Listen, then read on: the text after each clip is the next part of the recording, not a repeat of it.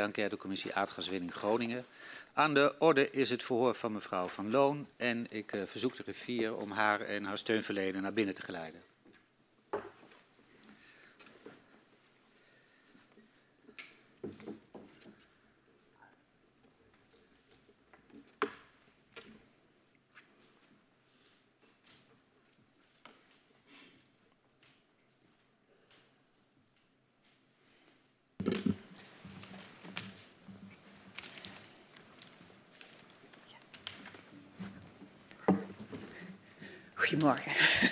Goedemorgen, welkom mevrouw Van Loon en ook uh, aan de heer Servos hier bij de parlementaire enquêtecommissie aardgaswinning Groningen.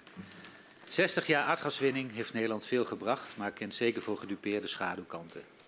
De commissie onderzoekt hoe deze schaduwkanten hebben geleid tot het besluit om de aardgaswinning in Groningen te stoppen. We willen weten hoe de besluitvorming op cruciale momenten is verlopen en hoe private en publieke partijen hebben samengewerkt bij de gaswinning. We onderzoeken de aardbevingen en de ontwikkeling van kennis daarover, de afhandeling van schade veroorzaakt door de aardbevingen en het proces van het versterken van gebouwen in de provincie. U bent uh, sinds uh, 1 januari 2016 uh, president-directeur van Shell Nederland. en in die hoedanigheid willen wij u als getuige horen. U heeft ervoor gekozen om de belofte af te leggen en daarmee de gehele waarheid en niets dan de waarheid te zullen zeggen. En om die reden verzoek ik u om toch even te gaan staan. En mij na te zeggen, dat beloof ik. Dat beloof ik. Dan staat u onder Ede. Mag u weer gaan zitten. Um, het uh, verhoor met u wordt afgenomen door mevrouw Kuik en mevrouw Tiele. En mogelijk dat mevrouw Van der Graaf ook nog enkele vragen aan u heeft. Is dat helder? Ja. Ja, dan gaan we beginnen. Mevrouw Van Loon, u treedt, uh, zoals de voorzitter al zei, 1 januari 2016 aan als president-directeur Shell Nederland BV. Daarvoor bent u vanaf 1989 ook in diverse functies werkzaam bij, binnen Shell. In dit verhoor uh, gaan we het met u hebben met name over de diverse onderhandelingen uh, die Shell en Exxon voerden met de Nederlandse overheid om tot een oplossing te komen voor de problematiek in Groningen. Ik begin maar eerst bij een grote globale vraag. Wat zijn uw belangrijkste verantwoordelijkheden in uw huidige functie als president-directeur van Shell Nederland BV? Ja, Shell is uh, internationaal georganiseerd. Dus uh, bedrijfsactiviteiten hebben internationale directeuren. Maar we hebben ook landendirecteuren. En ik ben de landendirecteur uh, voor Shell in Nederland. En wat houdt dat in als het gaat om het Groninger dossier? Uh, dat gaat erin dat ik uh, ja, eigenlijk uh, coördineer. Ik ben ook deel van de zogenaamde personele unie mm -hmm. namens Shell. Ehm, dus daar doe ik mee aan de overleggen in verschillende gremia. En eigenlijk zie ik ook dat ik degene ben die namens Shell de gesprekken voert met de overheid. Zeker als het gaat over strategie. NAM is de uitvoeringsorganisatie. En uh, ik doe uh, namens Shell uh, het woord met de overheid, met ExxonMobil, om eigenlijk te kijken naar lange termijn strategie. Lange termijn strategie. En um, hoe, hoe, zit de verhouding met, met NAM? heeft u veel strategische overleg ook met de directeur van NAM? hoe moet ik dat zien? de directeur van NAM is gewoon een zelfstandige directeur van een joint venture. Dus die neemt zijn eigen beslissingen voor het bedrijf NAM. Uh, legt daarvoor verantwoordelijkheid af aan Shell en Exxon, aan de aandeelhouders. Uh, ik uh, ben deel van de personele unie, dus ik volg ook wat er allemaal gebeurt in het gasgebouw. En heb ik dus ook regelmatig overleg, hoor ik in die overleggen natuurlijk van alles, maar spreek ik ook de heer Atema regelmatig. Ja, is het dan ook zo dat jullie ook samen strategieën afspreken? Nou, ik denk toch meer dat het uh, de NAM de uitvoeringsorganisatie is. Dus zij kijken naar wat gebeurt er vandaag en hebben daar hun eigen verantwoordelijkheden in. Ik zag mijn rol, uh, zeker uh, eigenlijk vanaf het begin af aan, om te zoeken naar hoe, hoe kan het beter? Wat moet er anders? Mm -hmm. Hoe gaan we eigenlijk de bestaande processen, de bestaande problemen oplossen? Nou, natuurlijk hou je nam daarbij hè, op de hoogte. Maar uh, ja, ik sprak ook natuurlijk met ExxonMobil en met de staat. Ja. Ik ben, ik ben uh, nog even gewoon expliciet benieuwd naar, naar de relatie met uh, de NAM-directeur, omdat uh, die zit, wat u al zei, op de uitvoering, ook dichter op het proces. Um, zijn daar dan nog verschillen in, in opvattingen hoe, hoe dingen moeten worden aangevlogen of discussies? Ja, er zijn natuurlijk zeker in alles wat Groningen betreft heel veel discussies, omdat we vanaf begin, in 2016, wel duidelijk was dat het niet goed ging. Nee. Bij mijn aantreden, dat kan ik me nog heel goed herinneren, het gesprek met onze internationale directeur, de heer eh, Ben van Beurden, werd ook heel duidelijk aan mij gevraagd door eh, de heer van Beurden van ga kijken hoe het beter kan. Dus ik heb zeker in de eerste jaar 2016, en ik denk dat het wel tot midden 2017 heeft geduurd, echt op zoek gegaan naar uh, wat is er aan de hand. Uh, die collectieve zoektocht naar uh, wat is nou eigenlijk een veilige winning, wat is maatschappelijk verantwoord. Daar heb ik met alle partijen over gesproken. Ehm, ook met NAM, maar ook met mensen uit Groningen gehoord. Hoe kijken jullie er tegenaan? Andere belanghebbenden. En ehm, ik denk dat het heeft aan de ene kant hè, wat lang geduurd, voor, omdat het complex is, inderdaad. Voordat je ziet van ja, dit moet echt anders. En ik denk in 2017, in mei, kan ik me heel goed herinneren dat we een hele grote reset hebben gedaan met de directie, waar ik ook bij was. Waarbij ik ook heb gepleit dat wij als Shell, als hè, verantwoordelijke partij, uh, een andere strategie moeten gaan voeren. En dat is ook besloten in de directie van Shell in, in mei. En dat is denk ik iets wat wij daar hebben gedaan en waar NAM later gevraagd is om daar uitvoering aan te geven toen we de afspraken hebben gemaakt. Ja, dan komen we straks uh, uitgebreid op die grote reset, uh, ja. zoals u dat zegt. Um, we zien dat um, uw voorganger, de heer Benschop, is aangesteld vanwege zijn bestuurlijke profiel. Um, terwijl u meer een engineeringsachtergrond heeft. In hoeverre wijst dat op een accentverschuiving uh, binnen Shell? Bij mijn aanstelling uh, heb ik uh, uitgebreid, wat ik zei, met Ben van Beurden gesproken over wat wordt er van mij verwacht. En ik heb ook gezegd, ik heb geen politieke ervaring, dus dit is alle, was allemaal ook nieuw voor mij. Maar ik kom uit het bedrijf en uit de techniek. Mm -hmm. En Ben uh, Van Beurden heeft ook gezegd, de twee grote dossiers eigenlijk, de twee grote onderwerpen waar ik me voor in moest zetten waren Groningen verbeteren en energietransitie. Mm -hmm. En hij zei, ik denk dat met jouw kennis van ons bedrijf en ook hoe ik je ken als persoon, dat jij daar een uh, goede persoon in bent om dat, uh, om dat los te trekken. Ik denk dat mijn baan door allerlei mensen gedaan kan worden met verschillende achtergrond. Maar ja, mijn achtergrond ja, maakte me daar uh, voor geschikt. U heeft meer expertise in de technische aspecten van uh, nou, uh, ook de Groning, Groningse veiligheid bijvoorbeeld. Ik denk dat ik dat aan de ene kant ben ik ingenieur. Dus dat klopt. Hè? Dus de technische kant en ook um, de mensen bij, bij NAM kan ik denk ik ja, heel goed mee begrijpen van in welke realiteit zij zitten.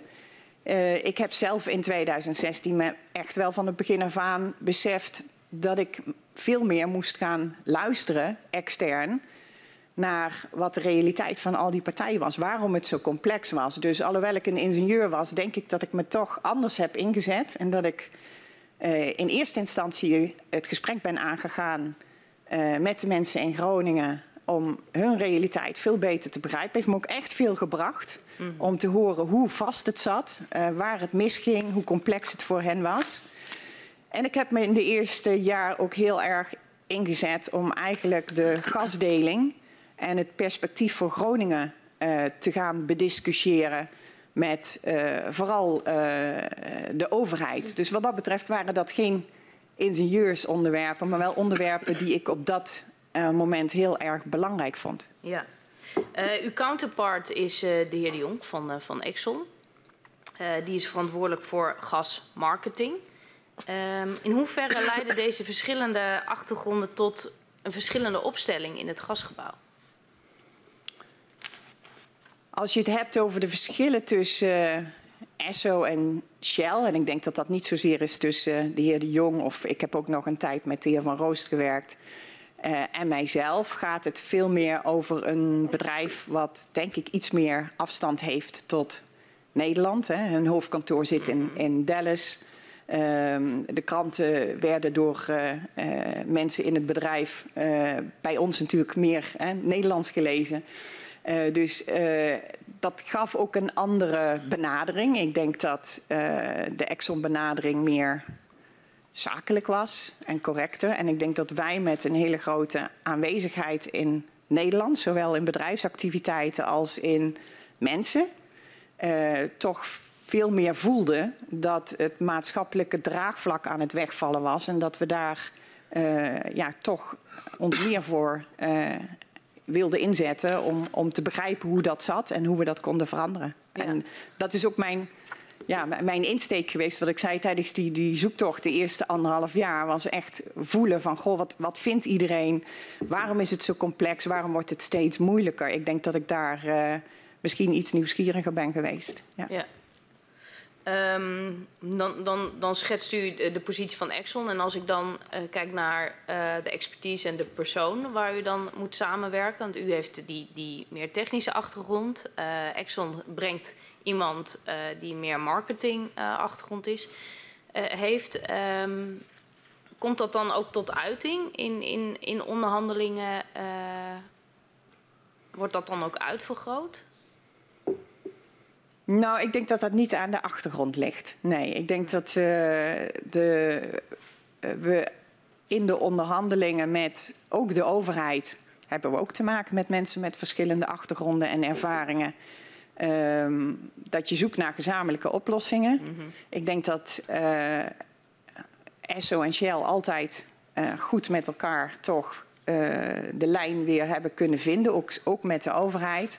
Maar er zijn wel accentverschillen. Ik denk dat het, het stuk um, maatschappelijk draagvlak nam op afstand en ook volume naar nul. Dat uh, we als Shell iets, iets actiever daarop hebben gestuurd. Dat uitgelegd hebben ook aan ESSO, maar dat zij vrij snel daarin mee konden. We zullen op specifieke momenten ook nog even stilstaan bij de verschillende uh, verhoudingen. Uh, we zien in 2016, het jaar dat u aantreedt, uh, dat vrijwel alle commissarissen in het gasgebouw wisselen. Hoe verklaart u dat? Ja, ik denk, ik denk dat dat uh, ook, uh, hoe zeg je dat, toevallig is omdat er veel mensen aan het einde van hun baan zaten, aan het einde van hun periode. Ja. Maar dat was inderdaad zo dat uh, toen ik aantrad was ik natuurlijk uh, de jongste die erbij kwam. En ik geloof tegen het einde van 2016 was ik degene die er het langste zat. Ja. ja. Oké. Okay. Um, wat, wat deed dat nou? Wat was nou het effect van die wisselingen? Ik heb het eigenlijk ervaren als positief. Want uh, we kregen veel nieuwe mensen die, denk ik, net als ik zelf, op zoek waren naar wat is er hier nou aan de hand het moet echt anders, de urgentie daar ook van zagen. En het gesprek daarover, uh, onderling, um, konden we dus heel goed voeren. Van joh, we, we moeten echt naar een, naar een reset toe. En ik denk dat al die nieuwe mensen gedeeltelijk dezelfde zoektocht ondergingen. Met een open blik met een open blik van... en ook kijken. Kijk, het, het gasgebouw is een, iets wat hè, 50, 60 jaar oud was. Mm -hmm. Paste denk ik niet meer bij deze tijd. Of, of ook in 2016 voelden mensen al van... nou, er zitten toch kanten aan die zijn niet transparant... of, of die kunnen mee met de tijd. En uh, ik denk dat iedereen die nieuw in het gasgebouw kwam... dat ook wel voelde.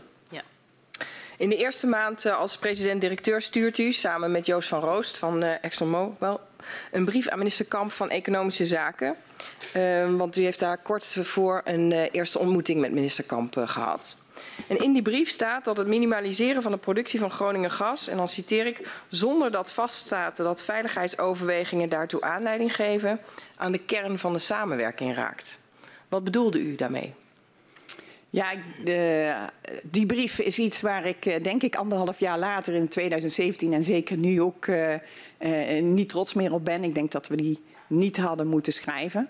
Maar in die eerste weken van mijn baan was mijn context dat we ook in Shell, maar ook eigenlijk allemaal op zoek waren naar die zoektocht van wanneer is het veilig en wat is dan maatschappelijk acceptabel. Mm. En we waren op zoek naar die, naar die veiligheidscriteria die dat zouden vaststellen. Dus in de samenwerking met de staat was tot nu toe gezegd: we gaan uh, de winning maximaliseren, mits veilig. En dat was een vraag die daarbij hoorde. Dat de realiteit ondertussen anders was, uh, heb ik denk ik in 2016 zelf moeten horen. En ook moeten ondervinden. En in 2017 ook moeten zeggen van ja, nee, die, die, die winning moet anders. Het moet, we moeten niet op maximale volumes gaan zitten. Dus, uh, dus wat wilde u dan toen bereiken met die brief? Ik wilde duidelijkheid krijgen van uh, minister Kampen. Wat de veiligheidscriteria waren en waar hij op stuurde. Dus hoe hij dacht tot die veilige, verantwoorde winning te komen. En dat was mij niet duidelijk. En ik denk dat dat inzicht echt pas ja, gedurende het jaar daarna is gekomen. Uh, dat we die, die veiligheidscriteria ook niet makkelijk konden vinden. En wat was de reden dat Shell en Exxon die brief uh, stuurden uh, en niet bijvoorbeeld NAM, die de operator was? Dat heeft te maken met dat NAM dus echt de, de, uitvoering doet en, en zelf elke keer keek naar winningsplandiscussies en wat wordt er van ons verwacht.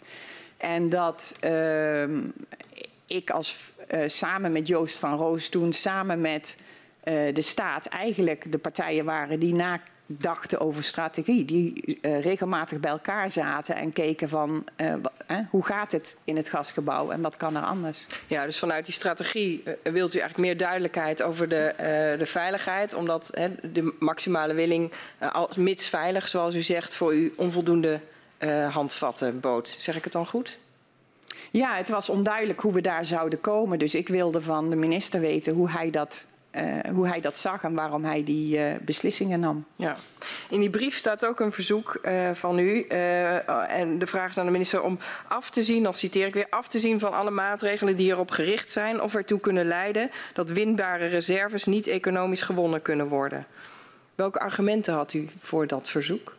Het past denk ik bij het, hè, wat ik net zei, dat we nog steeds uitgingen van een context waarbij we dachten uh, het gasveld helemaal te kunnen produceren, -huh. mits veilig. En als de veiligheidscriteria niet duidelijk waren, maar er werd gestuurd op lagere winning, dan was dat onduidelijk. Dus het was weer deel van die, hè, van die, die um, discussie, van die dialoog, van die zoektocht. Van goh, waarom doe je dit? Of hoe gaan we daarop uitkomen? Toch, zoals u het nu vertelt, klinkt het als bijna een open vraag. Hè? De, vertel ons wat veilig is. Maar als ik, als ik het lees, uh, is het toch wel echt een verzoek om af te zien van maatregelen. Het gaat wel verder dan een verzoek om duidelijkheid. Ja, wat ik zei, ik zou die brief nu niet meer geschreven hebben. Ik denk dat die toon van de brief en de inhoud van de brief niet pasten. En dat inzicht heb ik ook pas daarna uh, gekregen dat uh, die zoektocht al verder was en dat het uitgangspunt van de samenwerking met de overheid, hè, onder de overeenkomst van samenwerking, eigenlijk niet meer het punt was wat ik als, als eikpunt had moeten gebruiken. We zien dat binnen Shell, dat zien we uit interne e-mailberichten, uh, in uh, januari 2016 dat Shell observeert dat het veiligheidsvraagstuk eigenlijk niet meer zo uh, met aandacht wordt gevolgd in de verschillende maatschappelijke gremia. Op welke manier speelde die observatie, hè, dus dat veiligheidsvraagstuk niet zo'n grote rol meer speelt, speelde die observatie een rol in uw pleidooi voor een hoger winningsniveau? Er is in die tijd, en ik denk ook daarvoor, heel veel discussies geweest over technische modellen en technische veiligheid. En ik denk dat die discussie intern ging over de technische modellen en de technische veiligheid lijken er minder toe te doen. En um, ik denk dat dat ook klopt, dat natuurlijk gedurende die tijd we ingingen zien dat die modellen uh, gelimiteerd waren in de discussie die er in de maatschappij plaatsvond. Dat de Groningers ook echt vroegen om wij willen verlaging zien van dat volume. Uh, en dat dat ook bijdroeg aan hè, dat dat nodig was om veilig te zijn. Uh, en dat is meer de, de, technische blik van je kijkt naar modellen. Maar er was ook een andere discussie aan de hand. -hmm. Alleen Shell observeert dus dat die discussie even minder prominent uh, lijkt te zijn. en mijn vraag was dus in hoeverre die observatie een rol speelde bij het verzoek om een hoger winningsniveau te krijgen. Nou, ik denk dat die observatie hè, van goh, wat is, zijn nou die criteria weer terugkomen bij die zoektocht van goh, waar gaan we nou eigenlijk op sturen en bij uh, de brief en, en ook de gesprekken met de minister uh, die of met, uh, ja, met de minister die we, die we hadden in 2016 over sturen we dan niet op die technische veiligheid. Um, dat was nog de, de zoektocht waar wij in zaten en die we pas in, denk ik, mei, juni 2017 echt drastisch hebben omgedraaid en hebben gezegd: dit, hier gaan we zo niet uitkomen. Er, er is geen maatschappelijk acceptabel, veilig niveau vast te stellen. Ja, want u praat ook over uh, maatschappelijk draagvlak in die uh, brief. Dan schrijft u over het belang van maatschappelijk draagvlak in de regio. En tegelijkertijd pleit u voor hogere winning.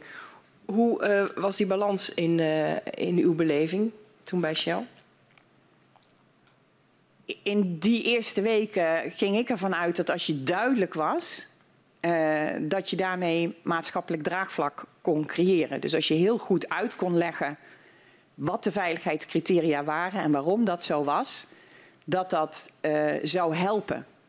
Um, ik denk dat ik daarna heb ja, geleerd dat die modellen uh, dat er allerlei modellen waren, dat er allerlei experts en instituten waren die het niet met elkaar eens waren.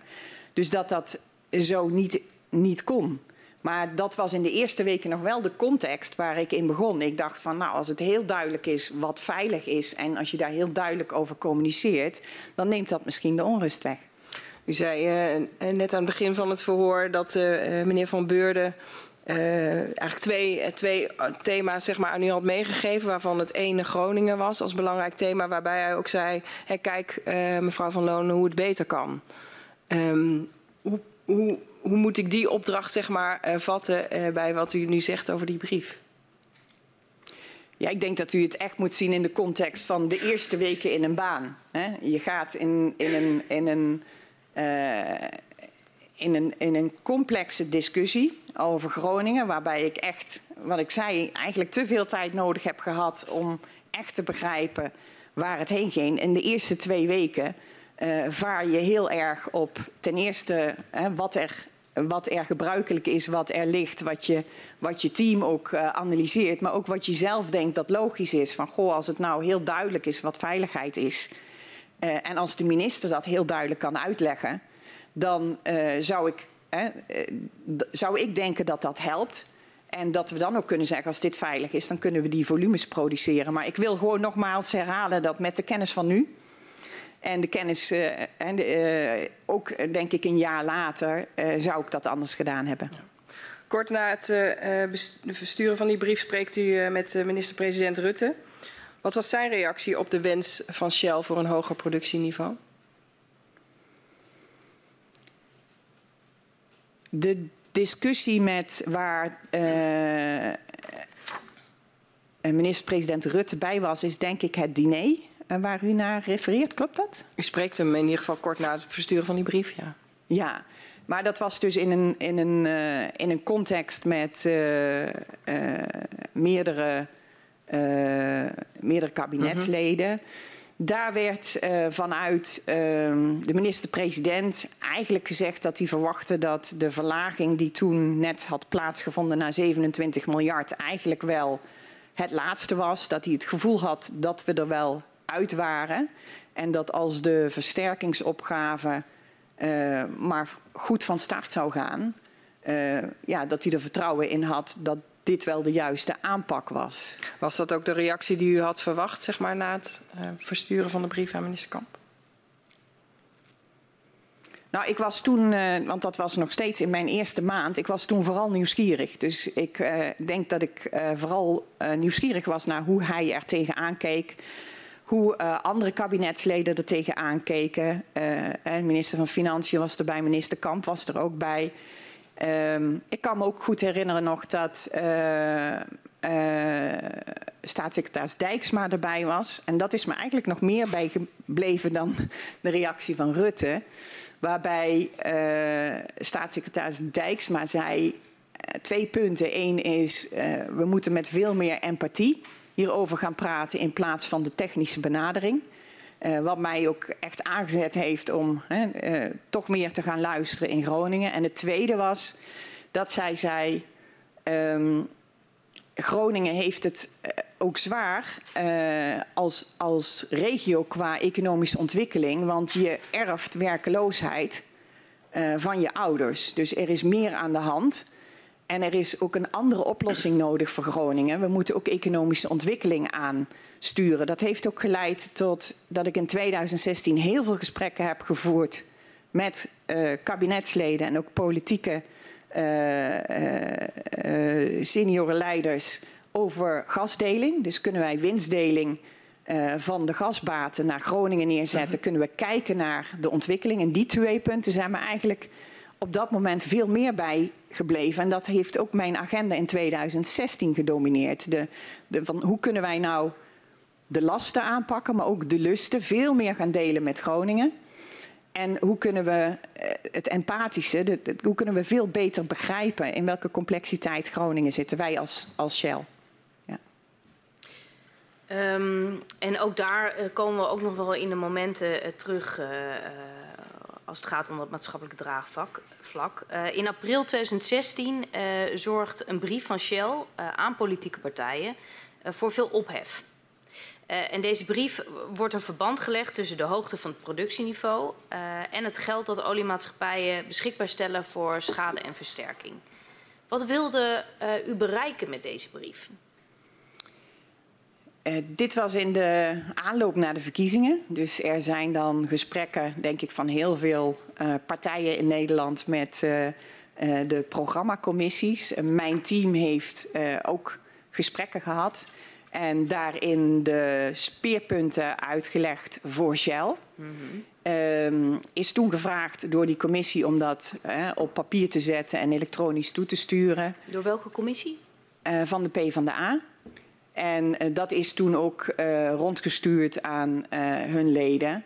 En dat heeft inderdaad tot ophef geleid, omdat er een clausule in stond waarbij in stond dat als er minder gas gewonnen zou worden, dat het economische onderbouwing van het Nationaal Programma in Groningen wel eens in gevaar zou kunnen komen. Dat was niet bedoeld, zoals u zegt, als dat uh, Shell en Esso dat risico zagen. Maar dat kwam precies uit wat ik net zei, die discussies over gasdeling. -hmm. Die ik tijdens vaak introductiegesprekken van mijzelf als hè, de nieuwe president-directeur Shell Nederland had met Politiek Nederland. Waarbij ik hoorde uh, van kabinetsleden, maar ook van eigenlijk politieke leiders. Uh, dat zij vonden dat als er minder uh, volume uitkwam, dat zij ook konden zien dat er minder geld naar Groningen zou gaan. Dus uh, in, mijn, in mijn agenda voor gasdeling en economische ontwikkeling was dat een punt wat mij echt zorgen baarde. Dus um, hoe, hoe, hoe, stond dat dan? Hoe, nou, hoe, hoe had u, u had het niet zo bedoeld, maar het werd wel zo gelezen dat er een uh, verband uh, was tussen de hoogte van de winning en um, nou, wat het, er beschikbaar was voor de regio. Het werd, denk ik, eh, maar dit heb ik van mijn teamleden. Ik was zelf bij dat gesprek niet bij, maar het werd in het gesprek met de partijcommissie zo niet gelezen. Maar toen het document is gedeeld elektronisch yeah. uh, met andere leden, zoals bijvoorbeeld uh, Henk Nijboer, die daar later ook uh, op televisie referentie aan gaf, is er inderdaad ophef ontstaan, omdat men die clausule wel zo las. Wat was uw reactie op het optreden van de heer Nijboer? Nou, uh, ik vond ten eerste dat de inhoud natuurlijk niet klopte. Want zo had, ik het, zo had ik, zo had mijn team het ook niet bedoeld. Het ging echt over de interesse om gasdeling uh, naar Groningen te brengen. eh, wat ik begreep van mijn teamlid is wat de heer Nijboer op televisie zei. Dat dit besproken was met hem en dat hij de persoon de kamer uit had gegooid. Is niet zoals mijn teamlid uh, zei dat het gegaan is. Hij had de heer Nijboer weken daarvoor al gesproken. En dat was gewoon een normaal gesprek geweest. En mijn conclusie was dat de heer Nijboer reageerde op het op het elektronische document wat hij toegestuurd heeft gekregen. Zijn kwalificaties waren dat hij het moreel verwerpelijk vond en chantage. Nou, ik denk als je de verkeerde conclusie trekt uit die uh, clausule, dan kan ik mijn, zijn, zijn emotie wel instellen, want dat zou niet correct geweest zijn. Maar zo is het dus nooit bedoeld. Nee. Um, dan verplaatst eigenlijk de aandacht in de media ehm, zich nadrukkelijk naar, naar Shell waar eerst het, het, nou ja, de schijnwerpers op NAM stonden, komt dat naar Shell. In hoeverre probeerde Shell buiten deze discussie uh, van Groningen te blijven? Tot 2016 denk ik echt dat NAM probeerde met man en macht het zelf te managen. En wij wilden ook als Shell, zoals ik begrepen heb, NAM in de positie houden dat zij dit als zelfstandig bedrijf konden, konden managen. Uh, konden, konden ja, proberen uh, te verbeteren. Ik denk dat in 2016, toen Ben van Buurden mij heeft gezegd... ik wil dat je er meer in gaat verdiepen, dat je gaat kijken waar het moet... dat we dus ook bewust hebben gezegd, wij gaan ons hier meer mee bemoeien. Ik heb me in Groningen laten zien, ik heb me richting de politiek uitgesproken. Ik ben me er actief mee gaan bemoeien. Mm. Uh, dat komt met een, uh, met een profiel. En ja, dat betekent ook dat je zichtbaarder bent. Het heeft ook te maken, denk ik, met de zichtbaarheid van Shell in Nederland. Hè. We ja. zijn een groot bedrijf en een grote naam. Dus uh, als je dan ergens uh, mee gaat bemoeien, dan, ja, dan, uh, dan wordt daar ook aan gerefereerd. Toch zie ik in, in, in stukken wel dat er eigenlijk wordt gezegd... nou, probeer Shell zoveel mogelijk er buiten te houden. Laat het vooral een ding zijn om, om, om NAM naar buiten te laten treden... maar hou, hou Shell uit de schijnwerpers. Die discussie intern, die ik me inderdaad wel kan herinneren... is dus eigenlijk het kantelpunt geweest waarbij ik heb gezegd, en ik denk ook Ben van Beurden en ook, ook uh, later de hele directie, nee, dit, dit kan niet meer. He, NAM alleen dit laten oplossen is niet meer correct. Um, het gaat ook over het draagvlak wat wij nodig hadden zelf als Shell in Nederland. Wij zijn een groot bedrijf met veel bedrijfsactiviteiten in allerlei energiesystemen. We hebben in 2016 ook heel actief ingezet op de energietransitie. Ja. Dus wij zeiden, wij willen ook dat we als bedrijf uh, dat maatschappelijke draagvlak hebben en houden. En is we dat, willen daar onze dan, verantwoordelijkheid in nemen. Is dat dan bewust gegaan of is dat per ongeluk gegaan omdat dit zo liep met die brief? Nee, dit is meer het ommekeer geweest, denk ik, in 2016, waarbij ik, en ik denk aangemoedigd door de directie, hebben gezegd: wij gaan uh, ons er meer mee bemoeien, we gaan ons er meer in verdiepen. Uh, natuurlijk nog steeds doet NAM hè, zijn uitvoeringstaken uh, en probeert daarin te verbeteren. Ja. Maar het gaat niet goed. Dus wij gaan hier uh, instappen. Het is ook een geluid wat ik terughoorde van Groningen. En de gesprekken die ik had met de verschillende mensen in Groningen. Ja. Maar meer mee bemoeien is natuurlijk niet hetzelfde aan, als. helpen. Meer mee bemoeien is natuurlijk niet per se hetzelfde als in de schijnwerpers uh, stappen. Nou, dat kan wel een consequentie zijn. Ik denk ja. als je gesprekken hebt. Die was bewust. Uh, als je gesprekken. Ik ben niet bewust in de schijnwerper gaan staan. Nee. Maar als je gesprekken hebt om proberen dingen te verbeteren. En je hebt die gesprekken met bestuurders, met politiek. Uh, dan als er wrijving is of er zijn misverstanden, ja, dan wordt daar ook aan gerefereerd. En ja. ik vind dat ook helemaal niet erg. Ja. Want uh, wij wilden ook heel graag helpen. En ik wil me daar ik voel me daar ook verantwoordelijk voor. En, en dan is dat zinnetje, um, uh, hiermee dreigt de economische basis uh, onder het plan Alders weg te vallen, wat dan in die brief staat. Uh, dat, dat, um, ik, ik zit nog even te zoeken van hoe, moet, hoe, hoe moeten mensen dat nou anders lezen dan um, hier, dit zorgt ervoor dat we verder niet meer mee gaan betalen. Hoe, hoe moeten we dat nou duiden? zoals het bedoeld is, is dat ik hoorde dat er in de politiek en bij de overheid naar Groningen werd gerefereerd als een krimpregio. En dat ze terughoudend waren om te praten over gasdeling of economische ontwikkeling.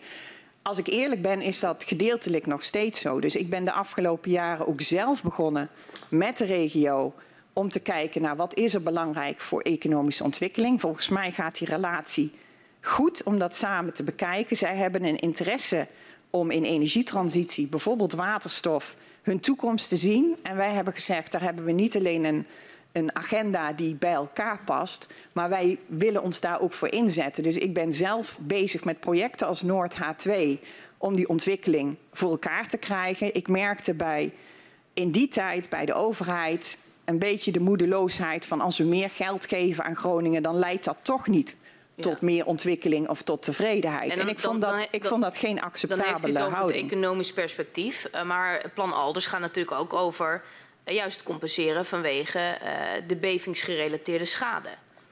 Kunt ja, u, het, kunt u begrijpen dat die relatie dan wel ja, nadrukkelijk wordt gezien? Dat die wordt gelegd als er zoiets staat? Ik kan wel begrijpen als je het dus, als je het dus anders interpreteert dat mensen dat zo zien. Maar zo is het dus niet bedoeld. Nee. Um, in juni heeft u samen met uh, de heer Van Beurden een gesprek met de minister-president. Uh, volgens uw terugkoppeling ging dat onder andere over, tussen haakjes, de Nijboer-affaire. Hoe ging dat gesprek? Er is uh, één keer per jaar gemiddeld een gesprek tussen de heer Van Beurden en de minister-president. Um, en dan spreken we over allerlei zaken die uh, met Shell, met Nederland verbinden. En we hebben het dus ook gehad over wat is er het afgelopen half jaar gebeurd. En ik uh, kan me niet meer helemaal herinneren, maar volgens mij hebben we daar dezelfde uitleg gegeven als die ik net aan u heb, gege uh, heb gegeven over de bedoeling. Ja. En, en wat wij graag zouden, zouden willen zien. En is het dan nog specifiek over het betreffende Kamerlid gegaan? Nee, het ging over de ophef, denk ik. Over de ophef.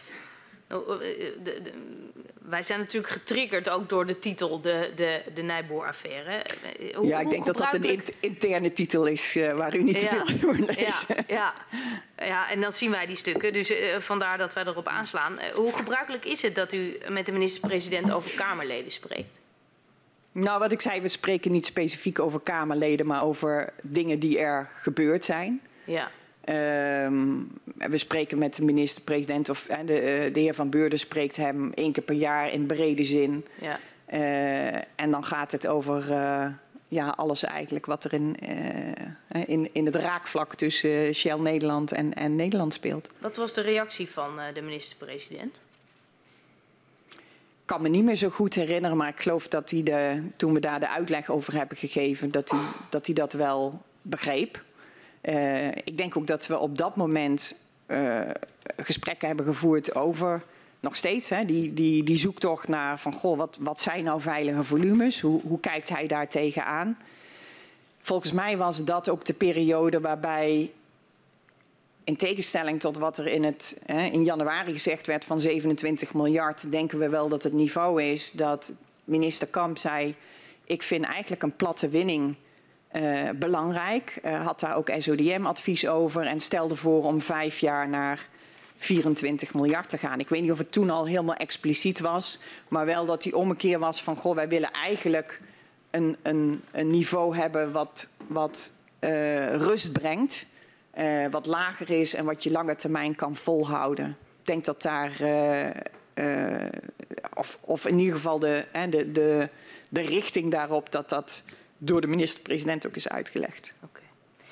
Uh, later dat jaar wordt een hoorzetting uh, georganiseerd in de Tweede Kamer over de lobbyactiviteiten van Shell. We lezen dat Exxon overweegt niet te komen. Waarom was dat? Omdat uh, Exxon zag dat Shell de ophef had veroorzaakt en dacht: moeten wij nou mee als, ja. als jullie de ophef hebben veroorzaakt? Maar ze zijn wel gekomen. Hoe heeft u ze overtuigd? Nou, dat hebben ze zelf volgens mij gedaan. Dus ze hebben eerst gedacht van nou, uh, uh, moet dit? En ik denk dat ze zelf gedacht hebben, ja, als je uitgenodigd wordt, uh, dan is het denk ik wel respectvol om te komen. Okay. We willen met u naar de schades die eh, gepaard gaan met de gaswinning uit eh, Groningen. Um, en de risico's op aardbeving die ook om preventieve versterking van woningen vraagt. Uh, op het moment dat u aantreedt is de uitvoering van de schadeafhandeling in handen van het Centrum Veilig Wonen. In welke mate um, bemoeide u zich met CVW en, het, en de aansturing ervan? Ik zelf eigenlijk niet. Behalve dat ik wel zag en natuurlijk gesprekken had over hoe moeizaam het ging. Um, op dat moment uh, was het Centrum Veilig Wonen stond onder instructie uh, volgens mij van de Nationaal Coördinator Groningen, van Hans Alders. Die zou de regie daarvan overnemen en gaf instructie aan Centrum Veilig Wonen wat onder contract, contract stond van NAM. Dus er was een, een, een ik zag wel een, een wrijving tussen NAM die probeerde te voldoen aan zorgplicht en schade en versterking. En hoe het in de praktijk ging. Dus het ging heel erg moeizaam. Mm -hmm. um, dat is denk ik in 2017 ook uh, hè, verder uh, tot uiting gekomen. Waarbij zowel de Groningers als uh, ook politiek heeft gezegd van wij willen de NAM eruit. Dus dat was eigenlijk de dynamiek waar je in 2016, waar, waar NAM in zat. Het, mm -hmm. het ging niet goed, zo kon het niet. En waarin maart uh, 2017 de NCG heeft gezegd, wij nemen het helemaal over. En in hoeverre bemoeide u zich er dan in 2016 mee? In 2016 heb ik dus voornamelijk uh, de verhalen van de Groningers aangehoord. Uh, waar gaat het mis? Hoe, hoe complex is het? Um, en ik zag de wrijving wel tussen wat de heer Alders probeerde te doen om eigenlijk holistischer problemen aan te pakken. Ook te kijken, te kijken naar hè, dingen als gebiedsontwikkeling. Uh, en wat NAM probeerde qua schade en veiligheid te doen. Ik ben zelf in veel gebieden ook geweest. En uh, als je dan de Jarine-woningen ziet in Loppersum of de gebiedsontwikkelingen uh, waar Appingedam mee eigenlijk wilde gaan starten. Hè, die zeiden van nou die, die 70-jarige uh, layout van de wijken pakken we meteen aan. Dan zat daar wel logica in. Maar dan was de logica richting schade en versterken voor NAM wel heel erg complex. Um, dus dat zag ik wel in de praktijk. En dat vonden de burgemeesters zelf ook heel erg moeilijk. Vandaar dat ik denk dat het, een, ja, dat het niet anders kon dan dat NAM eruit moest. En dat die publieke taak van al die verschillende zaken bij elkaar brengen om het in één keer goed te doen naar de overheid ging in 2017. Daar komen we zo nog wel even op uh, terug. Maar ik wil even terug naar 2016, want dan rapporteert de NAM-directie in het college BR Maatschap, waar u ook uh, onderdeel van uitmaakt, dat het Centrum Veilig Wonen steeds vaker schadeclaims als C-schades, en dat zijn schades die uh, niet veroorzaakt worden door aardbevingen, beoordeeld. Hoe um, interpreteerde Shell die ontwikkeling? Ja, dat gaf aan dat het dus uh, dat het complex was. Want uh, mensen hadden meer schade dan alleen aardbevingsschade. Uh, en je wilde die mensen helpen door alle schade aan te pakken. Maar NAM was, af, was verantwoordelijk voor de aardbevingsgerelateerde schade. Dus -hmm. het gaf wel aan hoe moeilijk het was om NAM zijn stuk te laten doen en maar tegelijkertijd ook eigenlijk al die zaken bij elkaar te brengen om voor de mensen in Groningen het in één keer op te lossen. Dus u zegt die zeeschades en de stijging daarvan toonden vooral aan dat het complex en moeilijk was. Is dat wat u zegt? Ja, ik denk dat dat aangaf dat er meer aan de hand was. En ja. wat vond Shell daar dan van? Ik denk dat wij zochten, het was nog steeds 2016, uh, naar hoe kunnen we nou zorgen dat de aardbevingsgerelateerde schade aangepakt wordt en dat, dat ook hè, dat NAM daar zijn aansprakelijkheid pakt als eigenlijk de realiteit in Groningen veel complexer is. Hoe brengen we dat dan met elkaar samen? En uiteindelijk is de, de Shell-conclusie en ook mijn eigen conclusie geweest... dat gaat zo niet goed, dat kan niet. NAM moet er helemaal uit. De overheid moet dit proberen bij elkaar te brengen. En NAM moet gewoon de rekeningen betalen voor het gedeelte waar ze ook aansprakelijk voor zijn. Dat is ook, eh, als ik maar nou Ja, nu nou spring ik helemaal, dat is nog- ja. steeds mijn agenda nu, is dat ik denk dat het veel beter kan als we die kant op gaan. Dat het dan in Groningen echt sneller kan. Maar ik ga toch nog een stapje terug. eh, we Ja. gaan er stap voor stap doorheen. Eh, in maart eh, 2016 eh, sluit de NAM, het ministerie van Economische Zaken en de Nationaal Coördinator Groningen een samenwerkingsovereenkomst om de NCG te betrekken bij de schadeafhandeling. Tegelijkertijd lezen we in een memo van Shell uit januari van dat jaar, dus 2016, dat NAM in die periode zeer ambitieuze kostenreductieplannen had met betrekking tot de schadeafhandeling.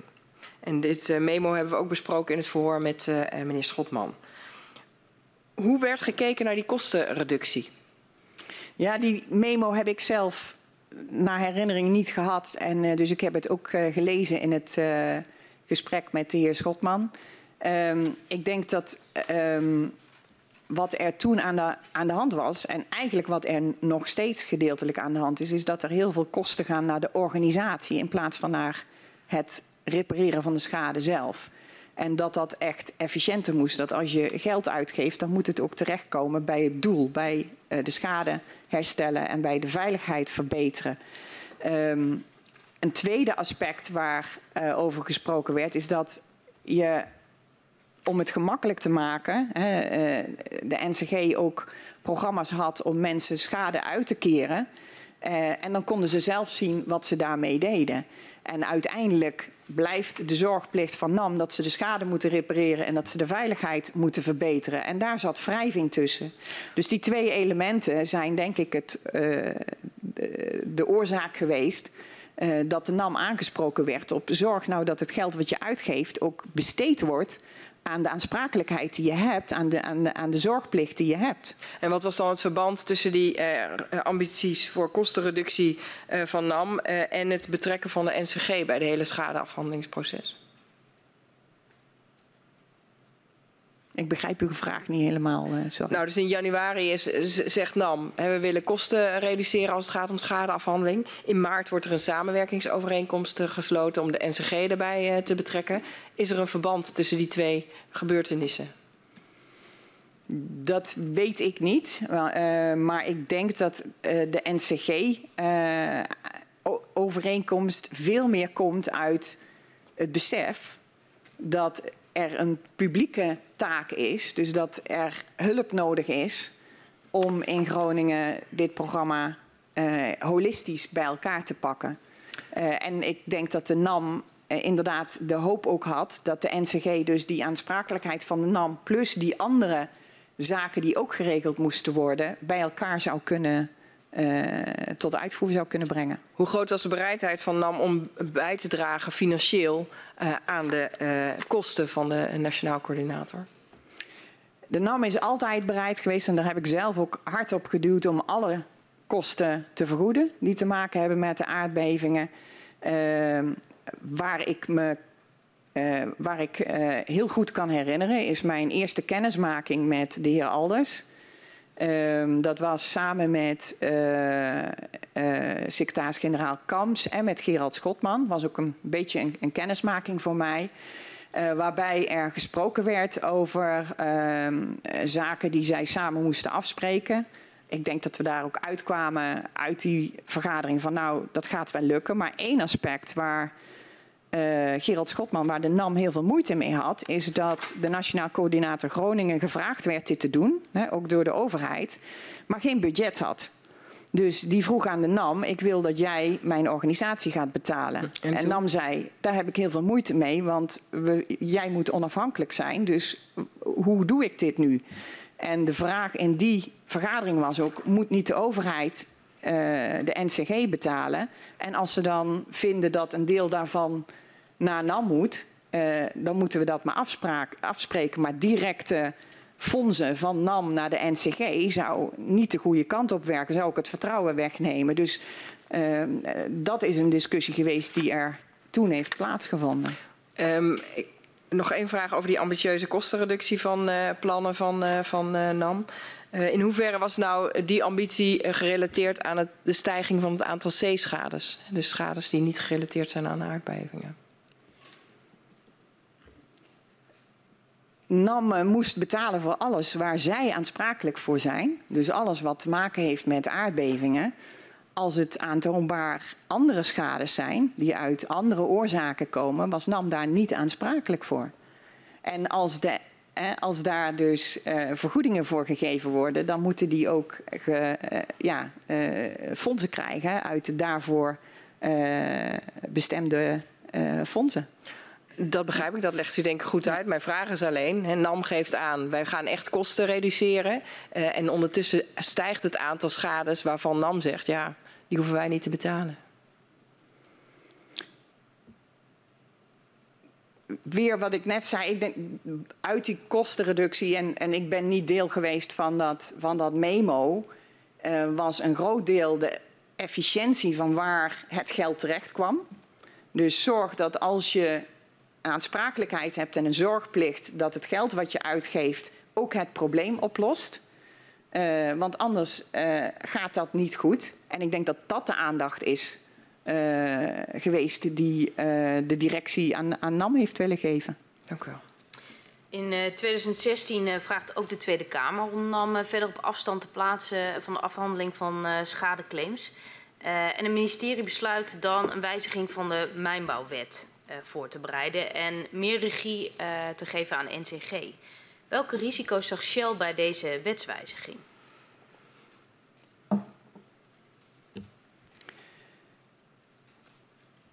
De, ik denk dat de, het positioneren van de NCG als hè, publieke verantwoordelijke een hele een, een, goede stap is geweest. NAM moest eruit. Uh, we wilden NAM er ook uittrekken. Dus dat, dat is goed.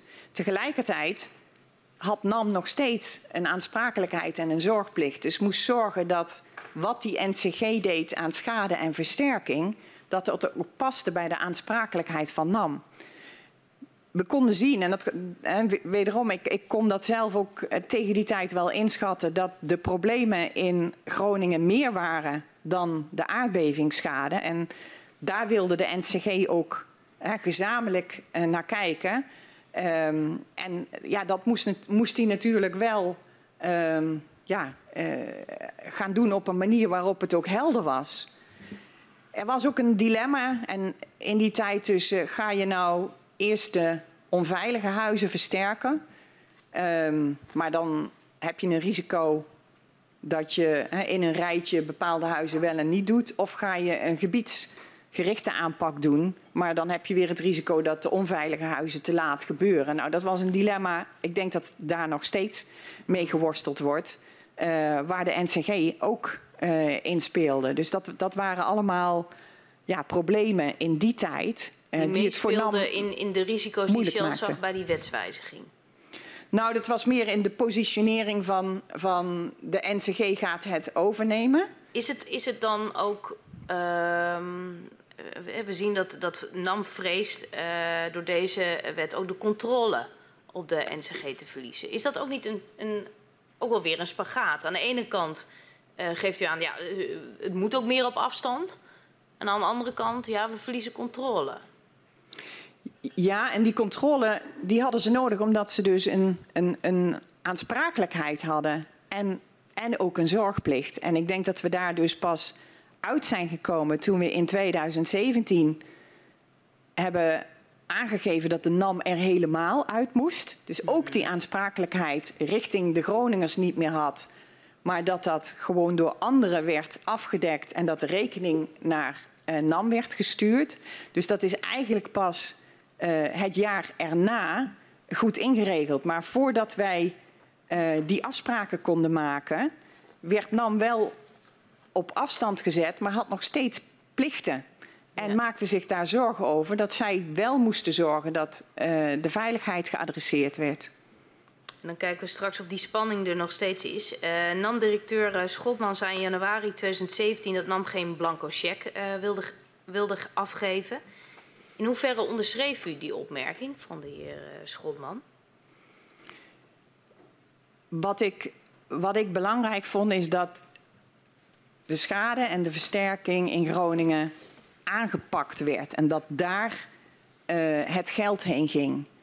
Wat ik ook onderschrijf is dat de NAM alles zal betalen voor aardbevingskosten, maar dat als er schade is of programma's voor andere zaken, zoals gebiedsontwikkeling, dat dat niet NAM-verantwoordelijkheid is. Uh, is dat dus, makkelijk van elkaar los te knippen? Um, dat, was dus, dat is dus uh, aan de ene kant wel vast te stellen. Hè. Er zijn uh, vaststellingen over waar de schade vandaan komt en wat NAM aansprakelijkheid is. Maar het is moeilijk uit te voeren. Wat je merkt nu ook nog, hè, dat, dat geeft uh, de directeur van het IMG ook aan, dat hij kan zien wat aardbevingsgerelateerde schade is, maar dat hij niet vindt dat die mensen helpt als hij alleen dat stukje oplost. En zijn oproep dus ook om, geef mij alsjeblieft een breder mandaat, mm. zodat ik alles aan kan pakken. En spreek dan met de NAM of met Shell en Exxon aan de achterkant als overheid af wat een redelijke bijdrage is van hun aansprakelijkheid op aardbevingen. Dat is een veel beter model. En daar geloof ik ook in. En vandaar ook mijn aanbod elke keer. Van daar zou ik heel graag over willen praten. Want het is voor mensen in Groningen gewoon ook geen oplossing als je meerdere schade hebt en er wordt maar alleen de scheur uh, geadresseerd, maar niet andere problemen die je hebt ja. uh, met de structuur van je huis. In, uh, hoe, hoe, stuurde Shell NAM nou aan op het vinden van een overeenkomst aangaande die schadeafhandeling? NAM was zelf op zoek naar um, hoe doe ik dit met de NCG. Dus de heer Schotman had zijn eigen overleg met uh, de heer Alders en de heer Kams. Ik heb de heer Alders, hè, wat ik zei in een introductiegesprek meegemaakt. Ik heb hem een jaar later, half jaar later, nog een keer uitgenodigd uh, om bij te praten. En ik heb hem gevraagd hoe het, hoe het ging. Hè. En ook gezegd van, joh, als je nou het idee hebt dat het niet goed gaat en dat wij iets kunnen doen, kom bij ons terug. En? Hij zei nee, ik kan goed samenwerken. Okay. Uh, ik, uh, we zijn het niet altijd eens, maar we komen eruit. Hij heeft ook nooit meer uh, daarop eigenlijk teruggepakt.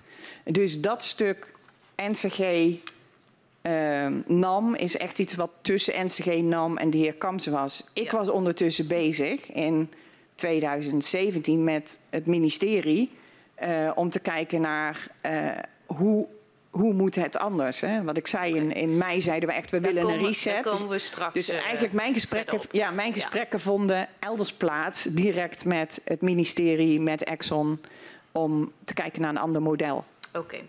In het verhoor uh, verklaarde de oud-arbiter, uh, de heer Schulting, dat uh, het vertrouwen van NAM en arbiters in 2016-17 snel afnam.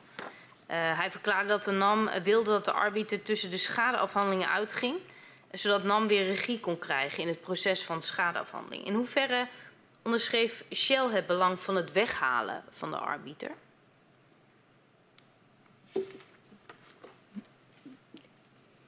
Het afhandelen van schade. Kijk, aan de ene kant wil je gewoon niet dat je naar arbiters hoeft te gaan en dat je het zelf kan oplossen. Mm -hmm. En dat geldt continu. Als we elke keer ja. naar de rechter moeten stappen, maar hij eh, was er, de arbiter? Ja, dan, dan is Hoe dat niet fijn. Nou Aan de andere kant geeft dat ook een onafhankelijkheid. Hè? Een neutrale partij die iets vast kan stellen. Dus dat, ja. dat, dat belang kan ik ook wel zien. Het moet uiteindelijk wel passen bij um, je aansprakelijkheid. En ook zorgen dat hè, je, je, die taak kan vervullen. Dus het, het zat wat mij betreft meer op de uitvoeringskant van NAM. Van goh, hoe werken we samen en waar gebeurt dat mee? Ik denk dat ik als Shell en mezelf daar niet heel veel mee bemoeid heb. Behalve dat ik continu heb geduwd naar we moeten zorgen dat we niet in rechtszaken terechtkomen. Dat we het oplossen uh, met elkaar. En, en uiteindelijk is dat niet een, een, een model waar je hè, lange termijn in, in, in, in wilt zitten.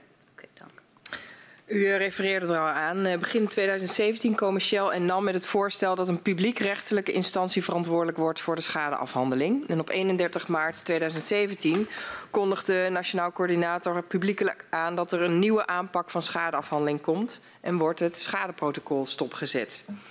Heeft NAM vooraf ingestemd met het stopzetten van het schadeprotocol?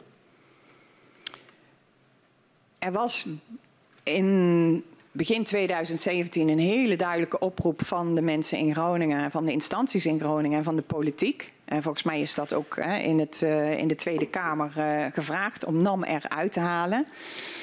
Um, NAM heeft gesprekken, continu gesprekken gehad met de NCG over of de NCG dit volledig over zou kunnen nemen. En de NCG wilde dit. En de NCG heeft zelf aangekondigd in maart. Dat hè, was verder uh, ook niet uh, uh, met ons of met mij verder overlegd. Maar ik kan me dat wel voorstellen dat zij vanaf die tijd de schadeafhandeling over zouden nemen. En dat zij er vertrouwen in hadden dat zij in juli een protocol zouden hebben. Ik was in die tijd bezig met uh, de, dis de, discussies met de directie over de reset. En in de zomer van 2017, toen de NCG bezig was te kijken naar dat schadeprotocol, hoe ze dat konden landen, zat ik in discussies met uh, het ministerie. Maar u gaat om nu weer heel snel afspraken te gaan maken. Ik ga toch even weer met u terug naar maart 2017. Mm -hmm. Want mijn vraag was dus of NAM vooraf had ingestemd met het stopzetten van het schadeprotocol ik weet dat niet helemaal zeker, maar ik denk van wel, want er is overleg geweest tussen de NCG en de NAM uh -huh. over uh, dat overnemen van de NCG. En uh, NCG heeft toen zelf aangekondigd, en dat was volgens mij wel een beetje een verrassing. Uh, die hadden zelf een, een, een mediamoment aangekondigd van wij gaan het nu overnemen. Dat was een en verrassing. NAM was daar, en NAM was daarmee akkoord. Ja, ja. Maar dat was een verrassing. Voor mij wel. Of dat voor NAM verrassing was, weet ik eerlijk gezegd niet zeker. Dus u weet niet of NAM heeft aangedrongen op snelle bekendmaking? Nee, nee, dat weet ik niet. Maar ik denk dat het meer andersom was. Dat NAM in discussies was en dat de NCG zelf het voortouw heeft genomen en gezegd heeft, dan gaan we dat nu ook doen. Want wat zou, wat zou daar uh, de motivatie voor zijn geweest? Ja, daar kan ik alleen maar op speculeren. Okay. Maar ik neem aan dat de NCG graag ook een duidelijker mandaat had en meer regie. Okay. In hoeverre speelde de start van de formatieonderhandelingen in die tijd een rol? Die waren eigenlijk wel uh, belangrijk voor het, uh, voor het hele tempo. Um, in welk opzicht? Nou, zowel voor uh, de schadeafhandeling moest er een nieuw protocol komen. En uh, wat ik begrijp ging dat dus niet zoals de NCG had gehoopt. Uh, de overheid was het er niet mee eens. De Groningse uh, instanties waren het er ook niet mee eens. En NAM was het er ook niet mee eens. Want het was niet zoals ze van tevoren met de NCG hadden verkend uh -huh. hoe dat eruit zou zien. Dus dat was heel moeizaam.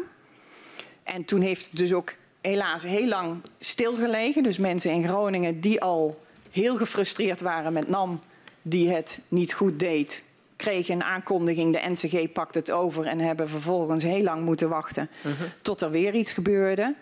Uh, en uiteindelijk is dat moment 2018 uh, eigenlijk ook bepaald geweest door de, een beetje de vertraging van de formatie. Dus, uh, dus waarbij zegt... men wachtte tot ja, eigenlijk er een nieuw kabinet was die in kon regelen hoe die publieke schadeafhandeling eruit kon zien. En wie is dan men, zeg maar, als u zegt men wachtte op het nieuwe kabinet?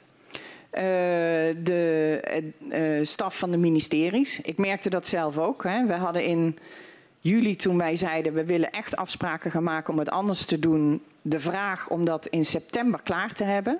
Kunnen we dan zorgen dat wij de volumes helemaal loslaten, de NAM volledig op afstand krijgen, een publiek fonds.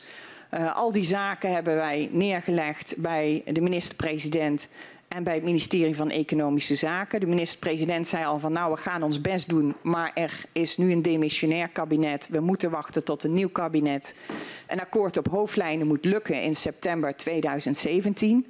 Nou, dat is niet gelukt. Hè. We moesten wachten tot uh, eind van het jaar uh, het kabinet er kwam. En ik denk dat zowel op het akkoord op hoofdlijnen, die die reset van die publieke schadeafhandeling uh, heeft benoemd, als de inregeling die uiteindelijk gekozen is met IMG en toen TCMG, we echt hebben moeten wachten op een nieuw kabinet. Wat was uw rol in dat proces om te komen tot een nieuw schadeprotocol? Uw rol als Shell? Mijn, mijn rol was om heel hard te duwen dat NAM eruit zou gaan. Dus dat... in dat akkoord op hoofdlijnen hebben wij duidelijk gezegd, wij willen geen rol voor NAM in de uitvoer. Uh, wij willen heel graag dat de overheid het overneemt. En wij rekenen met de overheid af alles waar NAM voor verantwoordelijk is. Maar dat betekent eigenlijk dat u hetzelfde wilde als heel veel andere bij dit schadeprotocolontwikkeling betrokken uh, partijen. Ja. Wat heeft u gedaan om te zorgen dat het proces in beweging kwam? Uh, heel hard op die akkoord op hoofdlijnen geduwd dat we snelheid moesten maken. Uh, we hebben daar uh, zelf uh, ja, ik heb daar denk ik zelf veel inzet in gehad om de partijen zo snel mogelijk bij elkaar te krijgen om die afspraken voor elkaar te krijgen. Ook ik heb moeten wachten op een nieuw kabinet. Ehm, dus het, dat heeft in plaats van drie maanden uiteindelijk een jaar geduurd. En ik denk dat die afspraken samen met het inregelen van de overheid van dat publieke fonds de tijdslijn heeft gezet voor een nieuwe schadeprotocol begin 2018. En als u zegt, ik heb veel inzet gedaan om, om partijen aan tafel te krijgen, wat, wat moet ik me daar dan bij voorstellen? Wat, wat had u te bieden, zeg maar, om dat voor elkaar te krijgen? Nou, ten eerste hebben we in de eerste gesprekken, en ik heb dat in, denk ik, juni met minister Kamp nog gehad, die demissionair was. En, en Ben van Beurden heeft dat in juli met de minister-president gezegd. Gezegd van op volumes willen wij graag dat de overheid alles overneemt. En wat bedoelt u met op volumes? Op volumes op, op productieniveaus van het gasveld -hmm. zijn wij akkoord met elk scenario. Daarmee de vrijheid gevend aan de overheid om ook echt de regie te nemen uh, op, het, op het Groningen gas. Um, en gezegd van, joh, jullie moeten maar zeggen wat je veilig vindt. Wij hebben en, en, misschien is het goed om die context even te schetsen. Uh, in aanloop naar dat gesprek um, werd het dus duidelijk dat dat veilige niveau moeilijk te vinden was. Uh, minister Kamp zei na een aardbeving aan het begin van het jaar uh, publiekelijk ook op tv: Ik weet niet meer of het veilig is. Nou, dan gaan de alarmbellen af, omdat je als operator altijd moet opereren binnen de veiligheidscriteria van de overheid. Um, er waren rechtszaken die zeiden, ook al heb je een goedgekeurd winningsplan, het, kan onrecht, het, het is onrechtmatig wat, wat NAM doet. Uh, de schadeafhandeling ging niet goed, dus wij hebben in de directievergadering in mei gezegd, we gaan de prioriteiten helemaal anders doen. Nummer één wordt maatschappelijk draagvlak in Groningen. En dat betekent dat wij uh, moeten zorgen dat wat wij ook doen daar verbetering geven. Nummer twee betekent duidelijkheid voor alle partijen. En nummer drie is wat er nog gewonnen wordt, hè, economisch. De NAM moet financieel robuust zijn, maar dat is niet onze hoofdprioriteit. Dat hebben we heel duidelijk gecommuniceerd aan de minister-president. Dat heb ik uh, die maanden daarna gecommuniceerd en daarmee dus gezegd: er is heel veel oplossingsruimte. Kom maar, wij, jullie kunnen de regie overnemen, de rekeningen mogen naar NAM. Uh, laten we dat samen zo ontwerpen. En dat is uh, zeg maar uw inzet geweest op, op, de brede ook onderhandelingen over het akkoord op hoofdlijnen, uh, vermoed ik zomaar. Ik wil nog even terug naar de schades, want wat heeft u dan gedaan om specifiek op het schadeprotocol een versnelling voor elkaar te krijgen? Door heel duidelijk te vragen aan de overheid om daar de regie te nemen, te om NAM eruit te halen.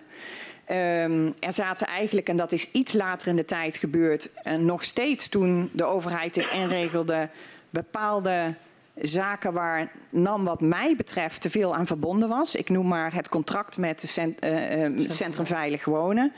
Ook toen de overheid dit publiek had ingeregeld, was er veel druk van het ministerie van Economische Zaken dat de NAM het contract vasthield met Centrum Veilig Wonen. Terwijl ik vond dat ze er juist uit moesten vanwege die onduidelijkheid met als je een contract hebt, heb je een zorgplicht. Dus ik heb oproepen gehad van het ministerie van Economische Zaken. Laat alsjeblieft de NAM dat contract vasthouden, want we hebben geen alternatief. Ik heb me daar zwaar tegen verzet. Uiteindelijk is het één keer verlengd en daarna heb ik echt gezegd, we gaan het niet meer doen. NAM moet eruit. Hetzelfde met het HRA-model.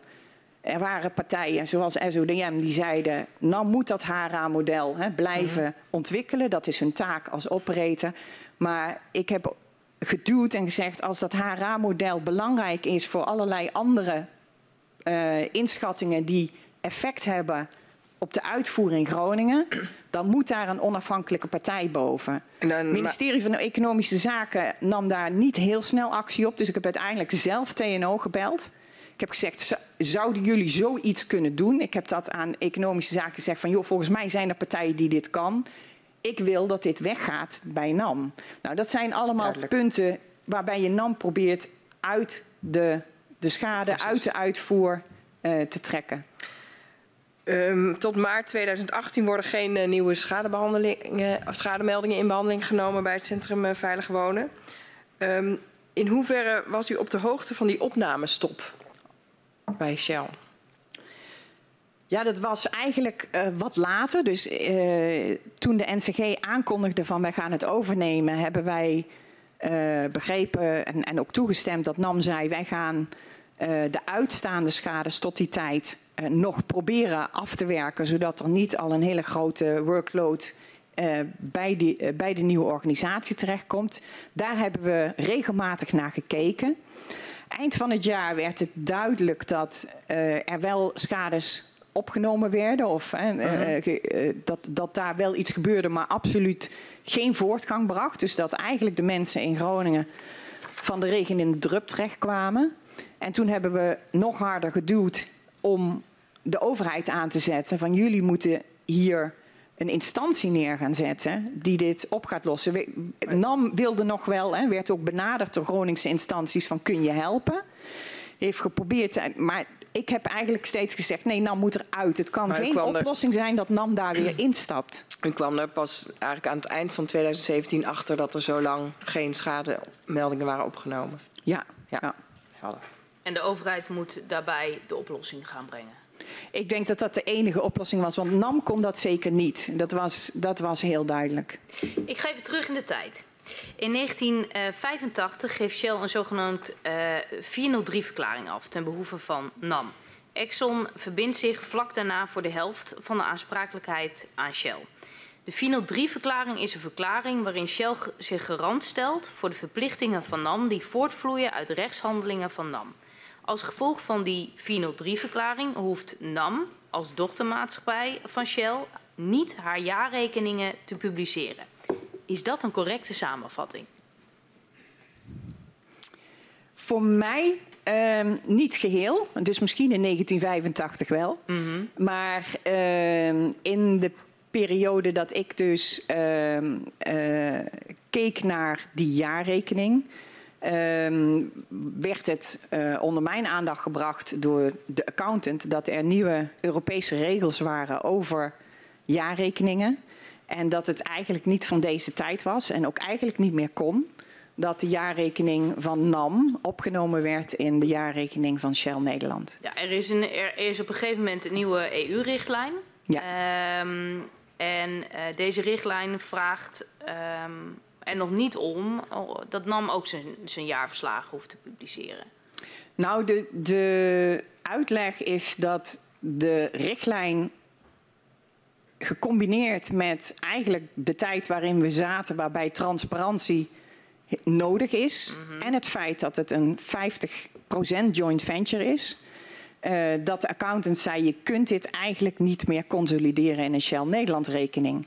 Dat hadden zij ehm, twee jaar eh, voorzichtig gezegd in het accountantsverslag. En daarmee kwamen ze nu steviger naar voren en zeiden: dit mag eigenlijk niet meer. Dit heette in de manier waarop wij erover spraken de 403-constructie. Dat was het opnemen van de jaarrekening bij Shell Nederland. Eh, toen, daar hebben we heel hard over nagedacht. Want wij zeiden, ja, wij willen transparant zijn. Wij kunnen ook zien dat in deze tijd je eigenlijk de financiële situatie van NAM publiek moet maken. Maar er is al heel veel consternatie. Wat gaat dit betekenen als we dit doen? Dus we hebben heel veel nagedacht van hoe gaan we dit goed uitleggen. eh, dat eh, de NAM-jaarrekening goed begrepen wordt. En daar was mijn aandacht op. Dat uiteindelijk een garantstelling van eh, de 403-verklaring die toeziet op de leveranciers die NAM van producten en diensten voorzien en dat niet konden zien in de jaarrekening of NAM eigenlijk die rekeningen wel kon betalen. Ja. Dat je die dan liet vervallen als NAM de jaarrekening eh, publiceerde was voor mij gewoon een logisch stuk. Het had voor mij ook echt niks te maken met de aansprakelijkheid voor aardbevingsgerelateerde schade. Dat heeft de minister, hè, er is veel ophef laten ontstaan. De minister heeft dat ook bevestigd. Die heeft gezegd, nee, dit, die 403 heeft niks te maken daarmee. Dat is ook zeker niet de bedoeling geweest. En toch ga ik, wa- want eh, we willen toch even alle, eh, eh, stappen langs. Want we zien wel dat in een intern document Shell wel uitvoerig de kansen en risico's van het intrekken van die 403-verklaring eh, bekijkt. Eh, een van de overwegingen is het publiceren van jaarverslagen meer impact zal hebben op de reputatie van de overheid dan van de NAM. Kunt u die toelichten? En wat ik zei, we hebben daar, omdat het dus hè, ehm, een, de hele situatie rond de aardbevingen al zo complex was, hebben we goed over nagedacht van joh, als we die financiële situatie van NAM publiek gaan maken, welke maatschappelijke discussies kunnen we dan verwachten? Eh, NAM en, en de overheid eh, verdienen eh, veel geld aan eh, de Groningse gaswinning.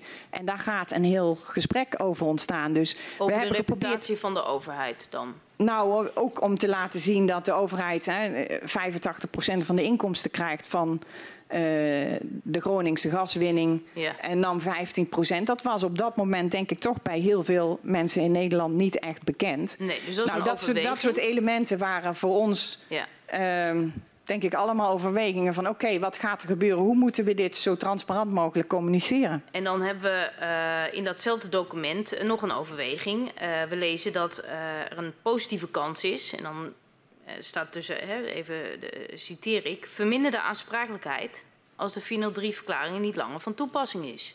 Ja, dat is Wat wordt er dan mee bedoeld? Ja, dat is.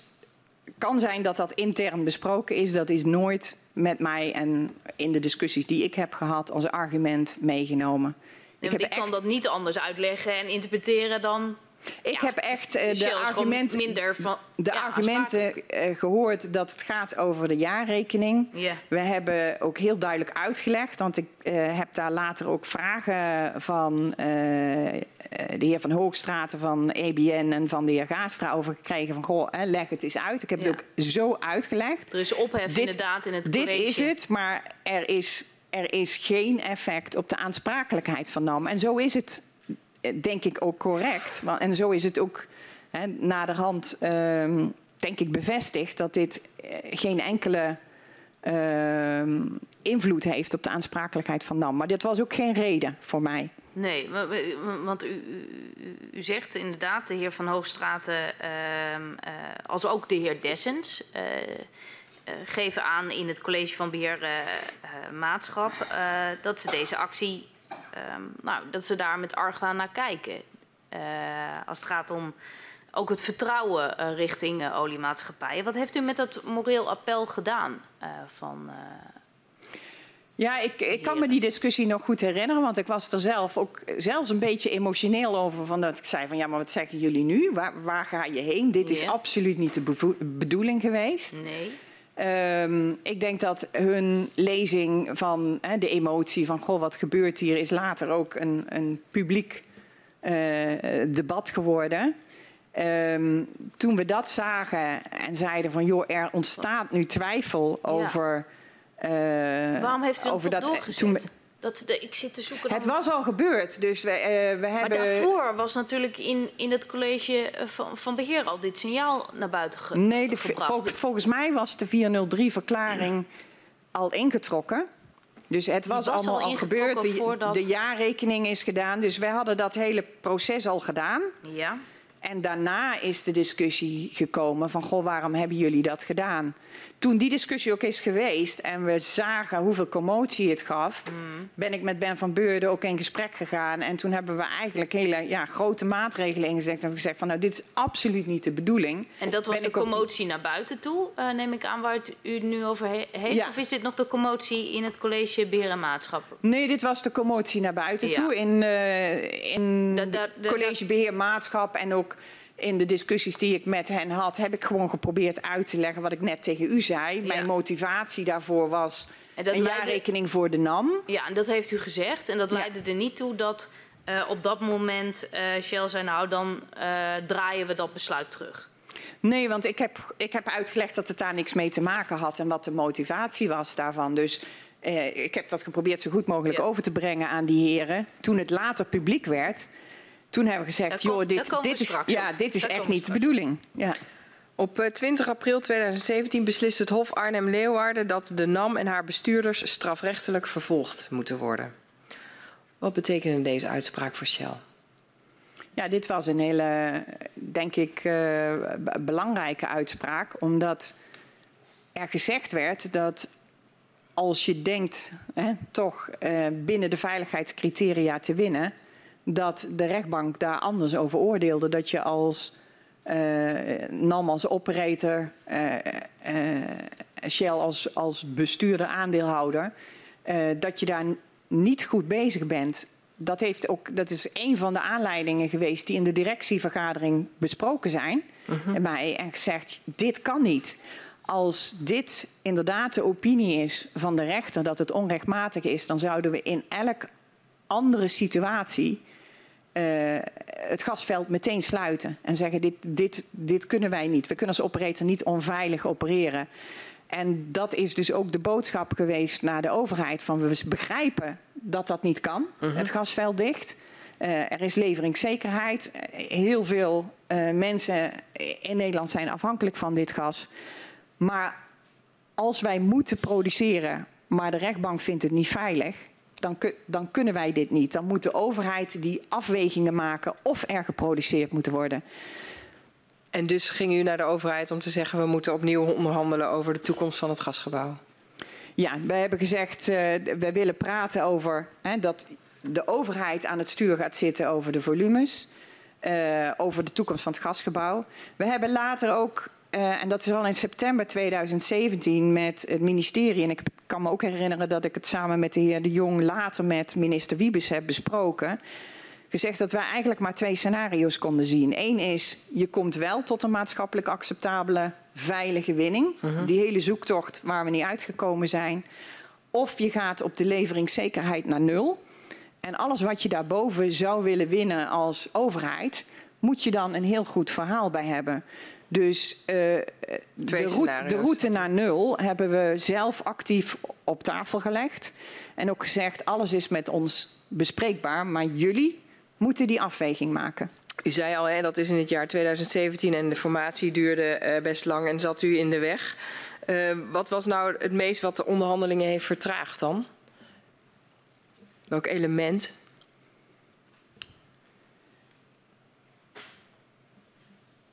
Denk dat het eh, ten eerste de, ja, de traagheid was toch wel van de formatie, maar ook de besluitvorming. Ik denk dat, dat Want welke besluiten konden niet genomen worden omdat...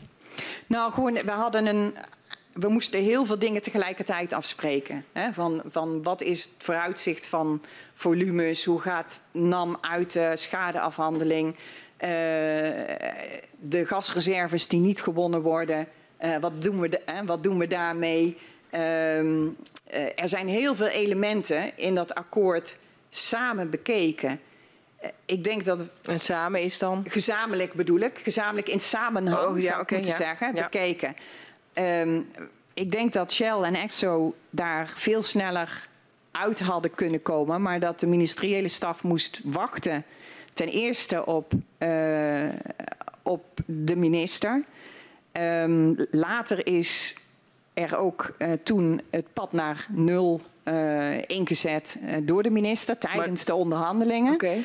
En in de laatste fase, voordat we eigenlijk in juli het akkoord konden tekenen, wij waren volgens mij in maart of april eigenlijk er wel uit, is het ministerie van Financiën aangeschoven en zijn er heel veel dingen wederom moeten besproken worden. Dus er, ja, er was aan de overheidskant wel heel veel tijd nodig. Mensen, ehm, soms denk ik ook te weinig mensen erop of te veel verloop van mensen erop, waardoor het niet zo snel ging als, als wij hadden gehoopt. Ja. Wie- Wiens belang was het nou vooral om te wachten tot het nieuwe kabinet er zou zitten? Zoals ik het begrepen heb, heeft een demissionair kabinet een afspraak over waar ze wel en niet afspraken over konden maken. En was dit er een waarin ze zelf hadden afgesproken dat ze dat niet zouden doen. Dus dat was, dat was buiten ons. Ja. Maar dat frustreerde wel, want ik kon wel zien, ondertussen ging het in Groningen nog steeds niet goed. U noemde schades en op allerlei gebieden. Dus ik, ik kon wel zien dat we die, die afspraken nodig hadden om verbetering te gaan brengen. En ja, dan is een jaar uh, in plaats van de drie maanden die we eigenlijk in juli met de minister-president hadden afgesproken, is wel frustrerend. Ja. Uh, het regeerakkoord wordt dan gepresenteerd uh, en een dag later heeft u samen met de heer De Jong van Exxon een ontmoeting met de heren Gaastra en Kamps van Economische Zaken. In hoeverre lag er toen een nieuw perspectief voor die onderhandelingen? Dus dat is dan eind oktober 2017. Het regeerakkoord had nog steeds eigenlijk een oude aanvliegroute van uh, we gaan de volumes iets naar beneden zetten en we denken dat we er zo uitkomen. En had dus de reset eigenlijk waar wij om gevraagd hadden nog niet meegenomen. Dus uh, hij verbaasde ons ook wel. Mm -hmm. um, maar dat heeft niet geleid tot een andere inzet die wij hadden met het gesprek uh, met de ministeriële staf. Zij hadden wel natuurlijk, uh, zeiden ze van ja, wij moeten eerst wachten tot onze minister uh -huh. uh, gebriefd is, aan boord is en zelf heeft kunnen nadenken hoe dat hij dit wil implementeren. U krijgt dan inderdaad te maken met een nieuwe minister. Um, was er een verschil in, in de benadering uh, over dit strategische vraagstuk tussen wat u met minister Kamp uh, had ervaren en met wat u met minister Wiebes ervoer? Jazeker, het zijn twee verschillende persoonlijkheden. Uh, het waren ook andere tijden. Hè? Dus we waren weer een jaar verder. Waar de discussies met de heer Kamp vooral gingen over uh, wat is veilige winning, maar waar ik ook met hem al heb gesproken over gasdeling. Hè, van wat kunnen we doen richting de Groningers. Dat was het gesprek wat ik, wat ik met de heer Kamp had. Uh, was de heer Wiebes, uh, denk ik, op zoek naar hetzelfde. Van hoe kan ik een stap nemen in de verbetering? Dus hij was ook aan het nadenken van hoe, hoe kan het anders?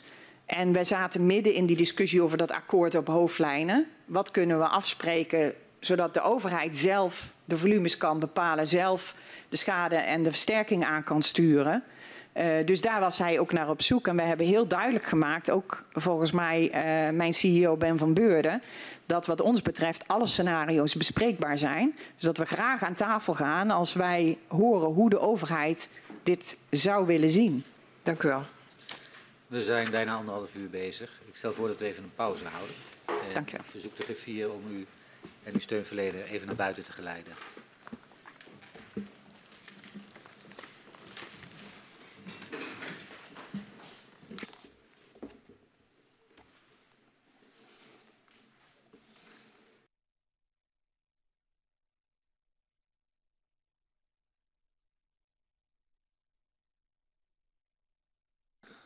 Ik heropen de vergadering van de parlementaire enquêtecommissie aardgaswinning Groningen.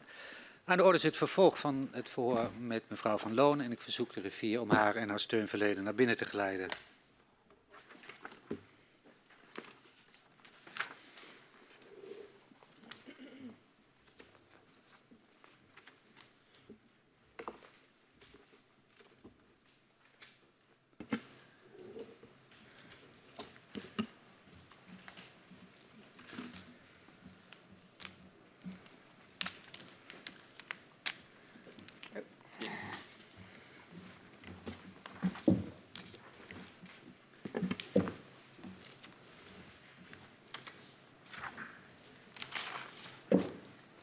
Heel goed. We gaan weer verder en ik geef het woord aan mevrouw Kaak. Op 26 maart 2018 heeft u samen met de heer De Jong van Exxon een gesprek bij minister Wiebes. Op wiens initiatief is dat gesprek tot stand gekomen? Dat weet ik niet meer. Ik, uh, ik help even. 28 maart is een belangrijk besluit. Twee dagen daarvoor, 26 maart, spreekt u um, samen met de heer De Jong dus met minister Wiebes van het jaar 2018.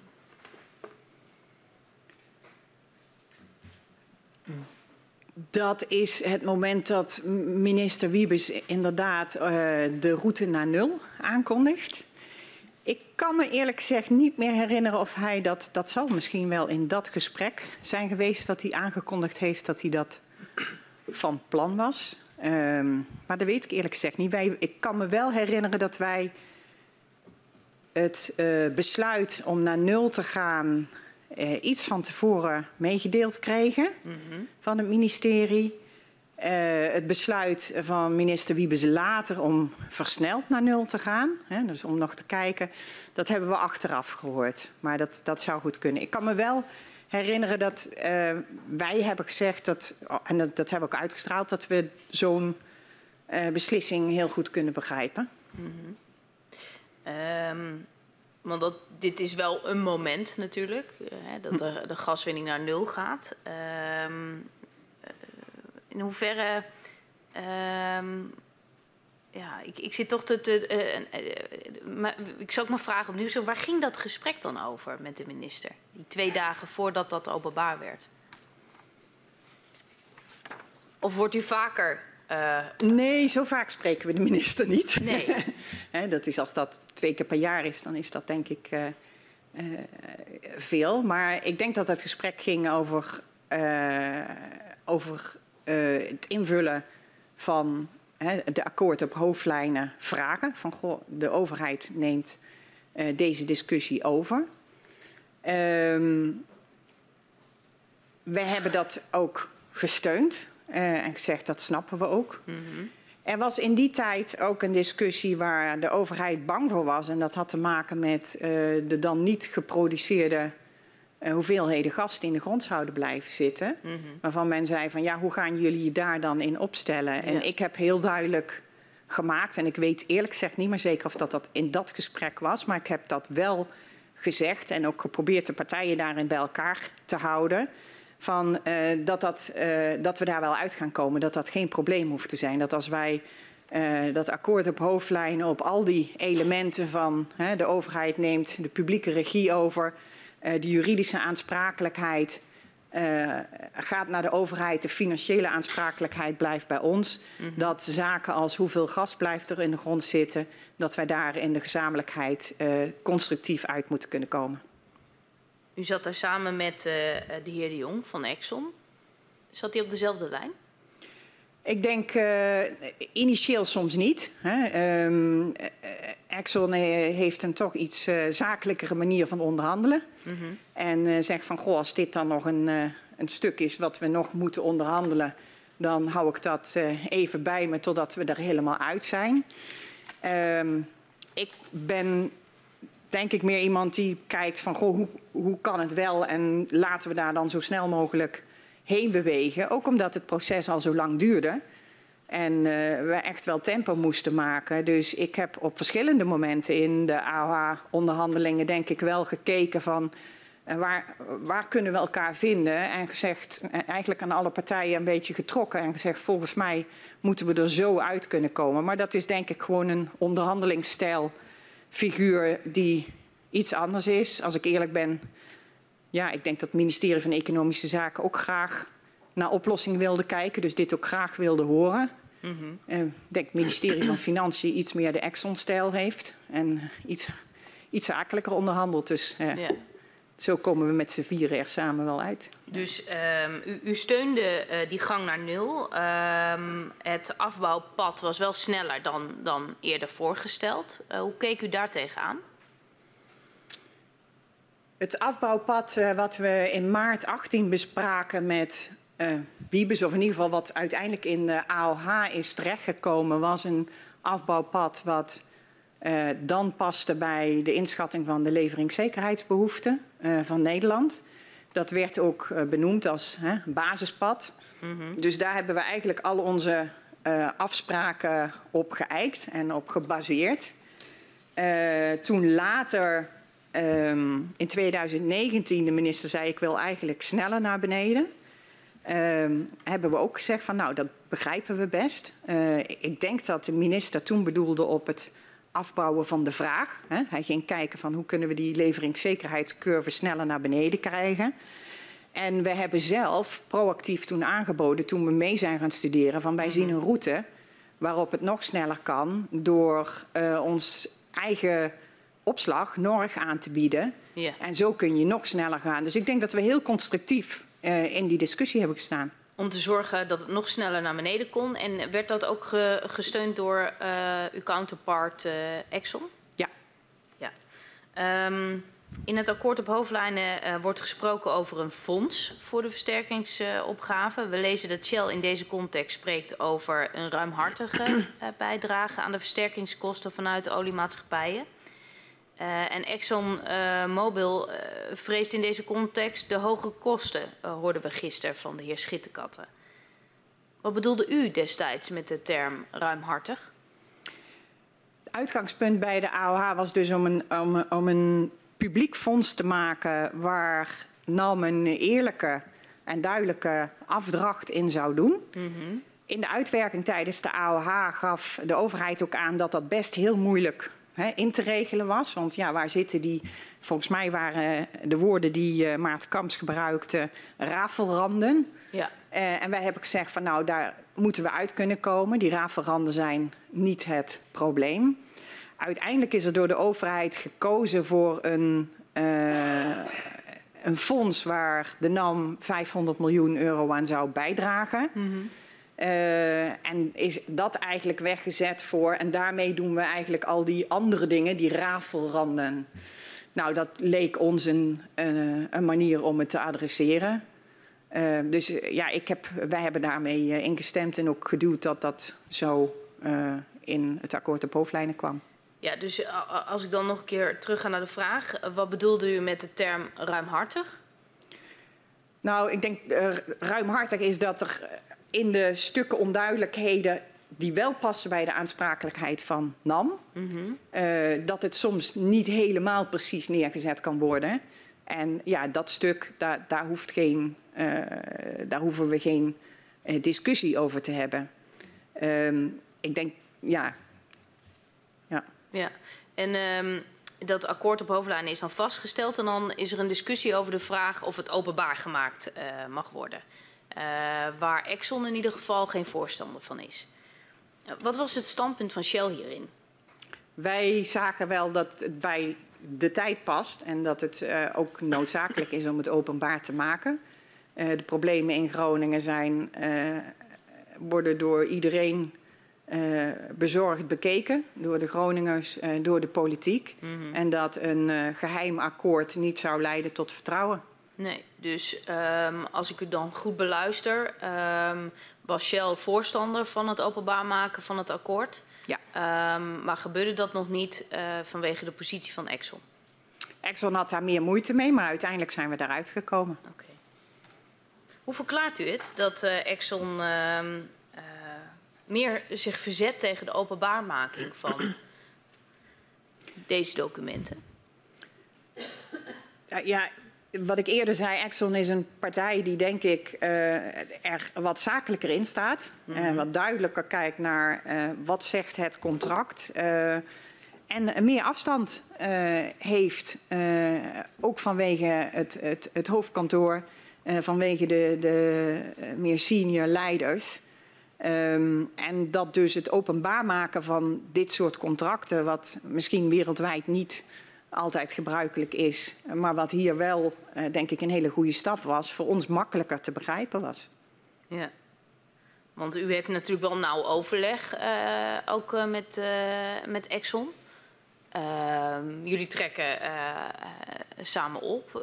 Wat doet u dan om, om, om, om ze nog te overtuigen? ja, om het gesprek aangaan. En ik denk dat dat richting Exxon zo was en soms ook richting de staat dat als je zelf een positie had waarbij je zei: Ik denk dat dit redelijk is, of ik denk dat we er zo met elkaar uit kunnen komen. Uh, dan ga je dat gesprek aan en dan ga je proberen te overtuigen dat het zo is. En soms uh, moeten we ook zelf uh, positie nemen. Ik denk, er zijn ook momenten geweest waarbij wij als Shell hebben gezegd, als Exxon zei we doen het niet, en dat wij ja. zeiden ja, wij gaan het wel doen. En dat je dan uiteindelijk toch afspreekt, nou dan is het maar beter om om bij elkaar ja. te blijven. Nou, nou, in diezelfde periode vraagt de Tweede Kamer ook om openbaarmaking van de overeenkomst van samenwerking. Waaraan, uh, waarin aan het begin van de gaswinning uit het Groningenveld de afspraken tussen de Nederlandse staat en Shell en Exxon zijn vastgelegd. Was Shell hierop tegen? Denk niet dat ik ooit gevraagd ben of ik daar nou helemaal op tegen was. Want volgens mij werden ze al openbaar gemaakt. Want ze waren links en rechts al in het publieke domein. uh, met verschillende versies. Uh, ja, en weet je, dan, dan ligt er dat toch. En dan is het maar beter dat je de correcte versie hebt. Dus uiteindelijk is het een, een contract wat niet bedoeld was om openbaar te maken. Maar ik denk wel dat het bij deze problemen en ook bij deze tijd past mm -hmm. om dat wel openbaar te maken. Waarom? Um, waarom? Ja, dus een, ik, ja, ik denk dat we nu in een, in, een, in een context, in een periode zijn waarbij die transparantie over zowel publiek-private samenwerking heel hard nodig is. De rol van de overheid is toch één die publieke belangen heel duidelijk moet adresseren. En daar zijn dan vragen over als er een contract gesloten wordt uh, met bedrijven. En zeker in een uh, situatie als uh, Groningen, waarbij iedereen probeert te kijken van oké, okay, wat gebeurt er hier en hoe maken wij afspraken die het verbeteren. Mm. Als daar zoveel partijen ook verantwoordelijkheden hebben, dan weet, willen ze ook weten wat de afspraken zijn. Dus ik, ik, vond dat, ik vind dat eigenlijk een, wel bij deze tijd horen. Pas bij deze tijd. Um, op 29 maart 2018 besluit het kabinet, uh, nog voordat het akkoord op hoofdlijnen is uitonderhandeld, dat de gaswinning uh, wordt beëindigd. Was uh, voor u uit de Kamerbrief duidelijk dat de versterkingsopgave flink ingeperkt zou worden?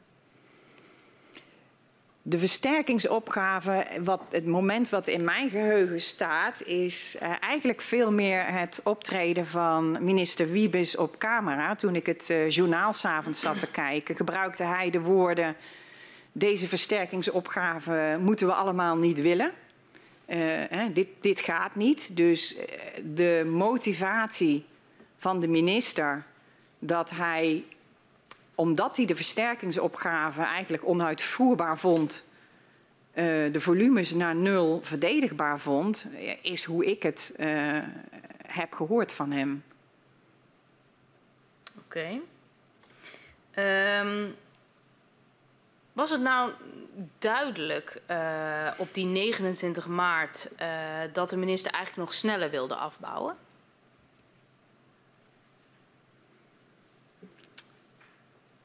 Op, op die dag was het grote nieuws dat we naar nul gingen. En dat daar een pad voor bestond wat uh, aan leveringszekerheid neergezet werd. Um, dat er discussies waren over wat is dan die leveringszekerheidscurve. En dat is meer tussen de overheid en tussen partijen als GTS. En wat is precies de vraag nog en wat is het aanbod. Daar was denk ik lange discussie over. Vandaar ook dat in het akkoord op hoofdlijnen er een pad zit wat eigenlijk een beetje land tussen 2028 en 2035. Dat was de inschatting op dat moment. Maar uh, dat de route naar, naar nul uh, ingezet werd, was denk ik het grootste, uh, het grootste punt. En, en misschien een aanvulling sneller naar nul was voor ons ook geen probleem. We hebben ook gezegd, het, uh, scenario's uh, die dat mogelijk maken, uh, die begrijpen we. Hebben we later ook gezegd en hebben we zelf ook aan meegewerkt. Als het gaat over de versterking, wat zag u nou als het verschil tussen minister Kamp en minister Wiebes, hoe die naar die versterkingsopgave keken? Ik denk dat minister Kamp er vertrouwen in had dat het kon en dat minister Wiebes er geen vertrouwen in had dat het kon. Um, in hoeverre was het voor Shell eigenlijk inzichtelijk wat nou de kosten van die versterkingsopgave waren? Um, dat dat uh, waren hele variërende getallen. Er was natuurlijk uh, nog steeds weinig voortgang in de versterking. Dus de getallen die terugkwamen uh, uit de praktijk uh, waren nog uh, ontzettend dynamisch. bovendien wisten we ook niet precies hoeveel er versterkt moest worden. Dat weten we eigenlijk nu nog steeds niet. Er moet eerst geïnspecteerd worden voordat we weten wat er gebeurt. Dus dat zijn getallen geweest die, die heen en weer gingen. Um, Maakte Shell zelf ook berekeningen? Van scenario's om, rondom de versterking? Nou, sinds de, we het akkoord op hoofdlijnen hebben en de overheid in de regie zat, hebben wij ons volledig gericht op de schattingen van de overheid. Uh -huh. Want wie maakte die schattingen dan? Uh, de schattingen van de overheid werden gemaakt door de personen die verantwoordelijk waren voor de bovengrond. En dat was, ik denk uh, in eerste instantie uh, mevrouw Wouters en daarna de heer Kuipers. En in hoeverre was Shell of, of NAM betrokken bij het maken van die schattingen en berekeningen? Ja, volgens mij niet. Althans, ik heb alleen maar de schattingen via hen gehoord, maar ook met een hele duidelijke uh, band van uh, er is nog weinig data en we moeten eerst verder aan de gang. Dus uh, er werden door in de overleggen voortgang data gegeven over hoe ver zijn we met inspecties, uh, wat zien we met versterking, wat zien we met de keuze voor sloop, nieuwbouw en dat werd vanuit de overheid aangedragen. En in die overleggen, welke rol speelden de kosten? ja, de kosten zijn natuurlijk ook een deel van de discussie. Um, en, en, maar een, een, grote onzekerheid. Um, in die tijd wilden we, we wilden wel graag weten wat de voortgang was en hoe het ging. Maar hebben wij als Shell al heel duidelijk gezegd, behalve dat we betalen voor alle versterking die nodig is en voor schade dat het geld wat in NAM zit uh, niet naar de aandeelhouders van Shell hoeft. Dus het geld wat we in NAM hebben staan gaat naar schade en versterking. En wat we over hebben gaan we investeren in de economische activiteiten in Groningen. Gaan we dat stukje wat ik in 2016, het delen van de opbrengsten van de gaswinning met Groningen via samen met de overheid niet voor elkaar hebben gekregen, hebben wij in 2018 aan de minister meegedeeld, heb ik ook publiek gezegd. Het gaat ons niet om de centen. Het gaat er ons om dat het probleem in Groningen opgelost wordt, zowel op schade en versterking als op economische ontwikkelingen. En daar gaat het geld van Shell in NAM heen. Ja, dus, dus wat dat betreft zijn de kosten een deel van waar zijn we nu, uh -huh. maar heeft dat eigenlijk effect op, oké, okay, hoe wordt de deling tussen schade en versterking en welk geld hebben we voor de projecten in Groningen ook te besteden. De kosten spelen een rol. U zegt, hè, wij hoeven er als uh, Shell hoeven geen, uh, uh, wat overblijft in NAM, dat, dat hoeven we niet, zegt u net. Maar ik ga dan toch eventjes terug naar die kosten. In hoeverre spelen die nou een rol in de overleggen die u heeft, onder andere met economische zaken, als het gaat over de voortgang van de versterkingsopgave? Het is aan de overheid om die versterkingsopgave te trekken en te bepalen door inspectie ook wat er versterkt moet worden. En dat kost dan wat het kost. Dan kost daar het wat het kost. Het kost wat het kost. Maar en daar dat... neemt de NAM voorzieningen voor uh, financieel om te zorgen dat dat ook betaald gaat worden. En u ging ervan uit dat de berekeningen die door economische zaken waren gemaakt over de kosten, dat dat die waren zoals ze waren. Die, dat zijn de meest nauwkeurige, want zij zitten aan de voorkant, zij zien wat er gebeurt. Dus zij hebben de beste inzichten daarin. Dan wordt dus die versterking gepauzeerd uh, met het be be besluit van uh, minister Wiebes op 29 maart 2018. In hoeverre is het pauzeren van de versterking uh, met Shell besproken, voorafgaand aan het besluit? Voorafgaand niet. Ehm, en daarna? Maar daarna heeft, hebben wij in gesprekken gevraagd van hoe hij dat dan voor zich zag. Of -huh. hoe het mhm. ministerie zich dat voor zich zag. Uh, ik moet zeggen dat ik dat nooit helemaal heb kunnen begrijpen. Want het ging over blokken. Uh, en ik denk dat het neerkwam op waar er nog niet gecommuniceerd is met mensen dat het versterkt gaat worden, gaan we het opnieuw bekijken. Um, dat was de insteek van uh, minister Wiebes en, en, en van de overheid. En ja, we hebben dat, hoe zeg je dat, gevolgd. En we hebben wel gevraagd, dat hebben we in het akkoord op hoofdlijnen afgesproken. Zorg nou dat je elke keer de meest nieuwste inzichten gebruikt om, uh, om de schade en de versterkingsopgave in te regelen. Dus zorg dat je zo goed mogelijke inzichten gebruikt, liefst van onafhankelijke partijen. Wat was uw afstemming met uh, Exxon als het gaat over de versterking en de kosten van de versterking? Nou, ik denk dat Exxon precies hetzelfde erin stond. Dus ook vragen had over wat, wat gaat er hier gebeuren. Maar had u het daar met elkaar over? ja, we hebben daar natuurlijk in het, in het uh, gasgebouw over. We hebben het in de gesprekken met de minister over. Als een van de onderdelen uh, van wat er in Groningen aan de hand was. Van ja, wat gebeurt er met de versterkingen? In die periode begin 2018 uh, in hoeverre uh, werd er nou een, een, een, verband gelegd tussen aan de ene kant de hoogte van de gaswinning en de daarbij behorende uh, opbrengsten en aan de andere kant de versterkingsopgave om, om veiligheid te garanderen en de daarbij behorende kosten?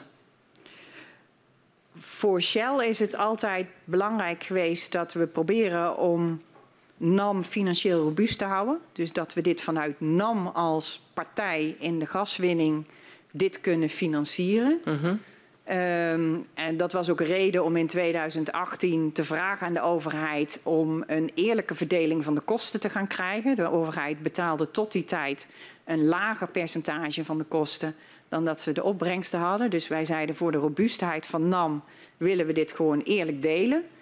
Um, dus NAM robuust houden is belangrijk geweest. Maar daarnaast hebben wij ook gezegd, dat is voor ons voldoende. Want wat er bij NAM mm -hmm, aan geld staat, ja. uh, hoeft niet meer terug naar de Shell-aandeelhouder. Om financiële robuustheid te kunnen uh, garanderen of mogelijk maken, is het natuurlijk belangrijk om een inzicht te hebben in welke uh, baten en welke lasten er zeg maar on, voor een bedrijf ja. op, op stapel staan. Dus mijn vraag is: in hoeverre, um, of kunt u ons gewoon wat meenemen in de, in de overleggen die daarover zijn geweest? Het verband tussen de hoogte van de winning en de bijbehorende opbrengsten. En aan de andere kant de hoogte van ja, de Wat wij dus gevraagd hebben aan de overheid is om duidelijk te zijn wat het, uh, hoeveel gas er in Groningen nog gewonnen gaat worden. Dat staat ook hè, in mm -hmm. het akkoord op hoofdlijnen. Is dat er een discussie moet zijn van joh, hoe ziet, die, hè, hoe ziet er dat dan uh, precies uit? -hmm. um, dat is het stukje inkomsten. Wat u zegt, de versterkingskosten komen aan de kant uh, van uh, de overheid. Uh, die worden doorgegeven. En wij hadden als belang om NAM daarin te kijken dat zij financieel robuust zouden zijn. Dat staat ook als een van de uitgangspunten in het akkoord op hoofdlijnen. Ja. Maar die versterkingskosten komen bij de overheid, zegt u maar. Hè, die worden deels doorberekend ook aan ja, de NAM en zeker. de aandeelhouders. Ja. Dus in hoeverre, eh, in hoeverre werd u nou geïnformeerd over de manier waarop al die uh, cijfers zeg maar, um, um, zich, ontwikkelden. zich ontwikkelden en ook ten grondslag lagen aan die financiële robuustheid van NAM? We hadden in die tijd uh, regelmatig overleg uh, met de betrokken personen bij de ministeries. Dus dat was in eerste instantie met de heer Gaastra, mevrouw Wouters en later met de heer Kuipers. En die gaven regelmatig een status-update aan ons. Die gaven de laatste data over uh, waar zij dachten dat het heen ging. Financieel, uh, dus de formele getallen, heeft NAM elke keer gekeken naar wat communiceert de overheid ook richting de Tweede Kamer. Wat zijn hun publieke getallen? En die worden overgenomen in de financiële rapportages van NAM. En hoe duidelijk was dan voor u wat nou de echte versterkingsopgave nog was? Als u denkt aan aantallen huizen bijvoorbeeld. De, de versterkingsopgave is uh, de afgelopen jaren uh, gecommuniceerd als uh, 26.000 huizen die geïnspecteerd moeten worden. En pas als zij allemaal geïnspecteerd zijn, weten we hoeveel huizen er versterkt moeten worden. Dus dat weten we nu ook nog niet.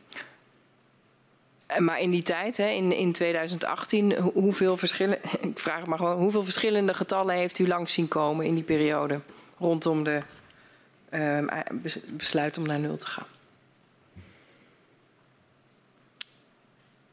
Nou, ik denk dat dat getal van, ik kan niet meer precies herinneren, maar dat getal van 26.000 was er al vrij snel als uh, huizen die geïnspecteerd moesten worden. Uh, schattingen van verschillende partijen gingen van allemaal tot 15.000 tot 10.000 tot uh, minder. Maar uiteindelijk ben ik het gewoon eens met wat bijvoorbeeld ook uh, de commissaris van de Koning, René Paas, zegt. Je zult ze allemaal moeten inspecteren. En dan pas weet je. Dus die onzekerheid werd ook steeds gecommuniceerd van we weten het nog niet. Ja. Dan gaat, u, uh, gaat dus zeg maar een pauzering uh, vindt plaats op die versterking. U zegt het ging ook over blokken die ik allemaal nogal onduidelijk vond. wist Shell dat door het pauzeren van de versterking duizenden mensen in Groningen dus niet wisten waar ze aan toe waren? Ja, wij konden ook volgen dat dit natuurlijk grote onrust gaf en dat gaven de betrokkenen uit Groningen ook aan. Die zeiden, wij hebben een programma hier staan. En nu gaat het op, op de pauzeknop. Wat betekent dat voor mensen? En wat deed de Shell op met die Ja, vragen aan, aan de overheid die daar nu de leiding in nam. Wat de gedachten daarover waren. Dus hoe ze dit gingen, uh, ging, tot uitvoer gingen brengen. En we hadden dus die ja, die overleggen elke maand, elke twee weken. En dan werden wij meegenomen in hoe de overheid uh, die discussie uh, zag voort, uh, voortgaan en, en wat hun laatste inschattingen waren. Minister Wiebes verwacht in die tijd dat het veld sneller sluiten voordeliger zou zijn dan doorgaan met de gaswinning. Was Shell het daarmee eens? Nou ja, dat, nee, dat, daar heb ik geen daar hebben wij op dat moment volgens mij geen schatting van gemaakt. Uh, wederom, wat voor ons belangrijk was, is dat het duidelijk werd. Hè, dus dat de overheid de regie had, dat wij duidelijkheid kregen over wat er aan de hand was. En dat de NAM in staat was om aan de financiële behoeftes te voldoen. Uh, geld stond voor ons niet op nummer 1. In de directievergadering in 2017 is al heel duidelijk gezegd: we gaan eerst voor het maatschappelijk draagvlak, dan voor hele duidelijke afspraken. En nummer drie is NAM robuust houden en de economische kant van de zaak. En zo heb ik zelf ook geprobeerd dat continu in al onze overleggen weer op tafel te zetten. U zegt uh, maatschappelijk draagvlak, u vertelde dat voor de pauze ook, hè, was belangrijk. Ja. Wat, wat, wat betekent dat voor u en voor Shell, als dat zo wordt opgeschreven? Het betekent dat eigenlijk alles wat we doen een verbetering voor de mensen in Groningen moet betekenen. Want uiteindelijk komen we er alleen maar uit als hun problemen opgelost worden. En wat is en verbetering is dan? En verbetering is denk ik dat de situatie waar ze in zaten en nu nog in zitten, waarbij het lang duurt, het niet duidelijk is wat er gaat gebeuren met hun huis en uh, hoe snel dat opgelost wordt.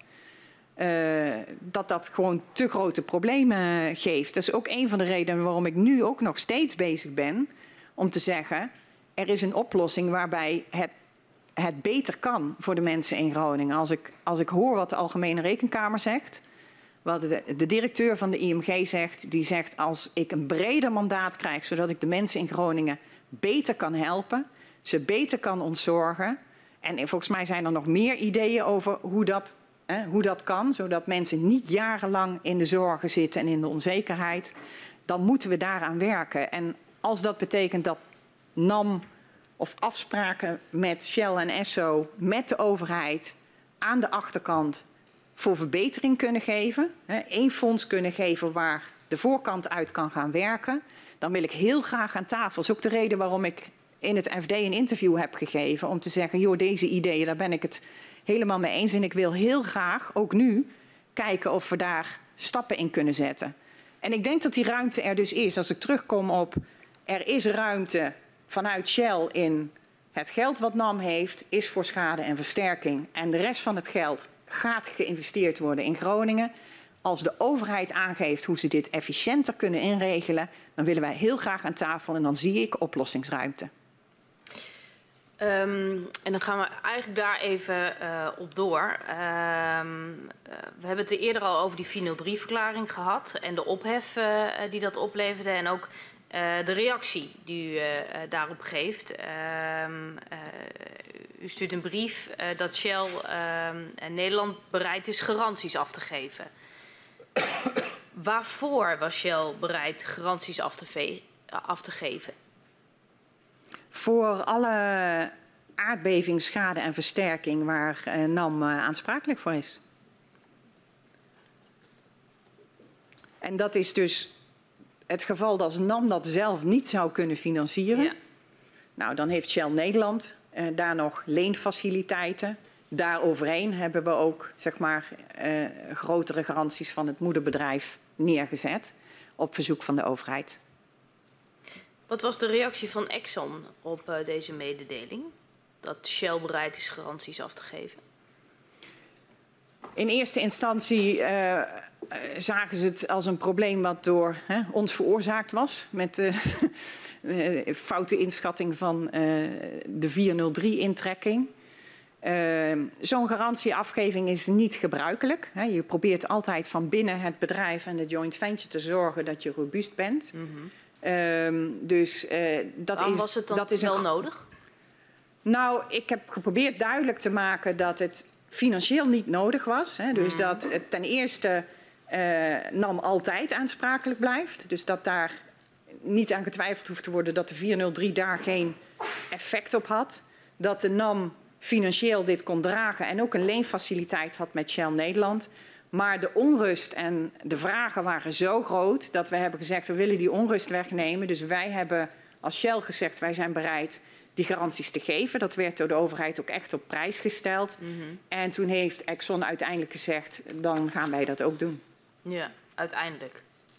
Nou ja, ik bedoel, het is een discussie en... Daar ging wat aan vooraf. Of? Dat zijn wat discussies, maar uiteindelijk hebben zij gezegd: dit kunnen wij ook. Maar het is ongebruikelijk. Het zijn, het zijn uh, mandaten waarbij je naar de hoogste boord van je bedrijf moet. Om te zeggen of je dat soort garanties afgeeft. Dus zo ongebruikelijk was het wel. Maar wij vonden dat wel nodig. Ja. En, en, uh, misschien over de timing. Waarom uh, komt die brief dan pas een half jaar na de intrekking?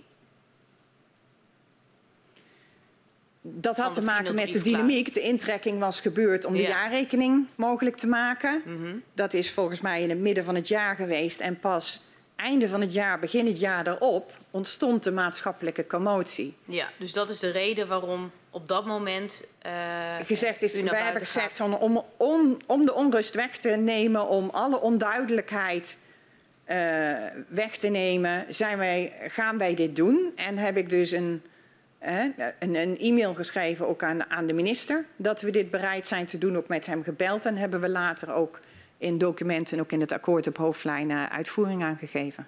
Welke invloed heeft het kabinetsbesluit van 29 maart 2018 nou uh, op uh, de onderhandelingen over de garanties gehad? En de afbouw naar nul? Ik denk niet, want um, volgens mij was de de commotie uh, rond de 403 al eerder in dat jaar. Mm -hmm. In januari, februari. En hebben wij toen al gezegd dat we garantie af zouden geven. Um, dus dat, dat heeft denk ik niks met elkaar te maken gehad. Ja. Um, wat is uw reactie op de stelling dat de staat slechter af is met deze garantie van uh, Shell dan voor de intrekking van de 403-verklaring? Dat lijkt mij niet correct. Zou u met de kennis van u weer die 403-verklaring intrekken?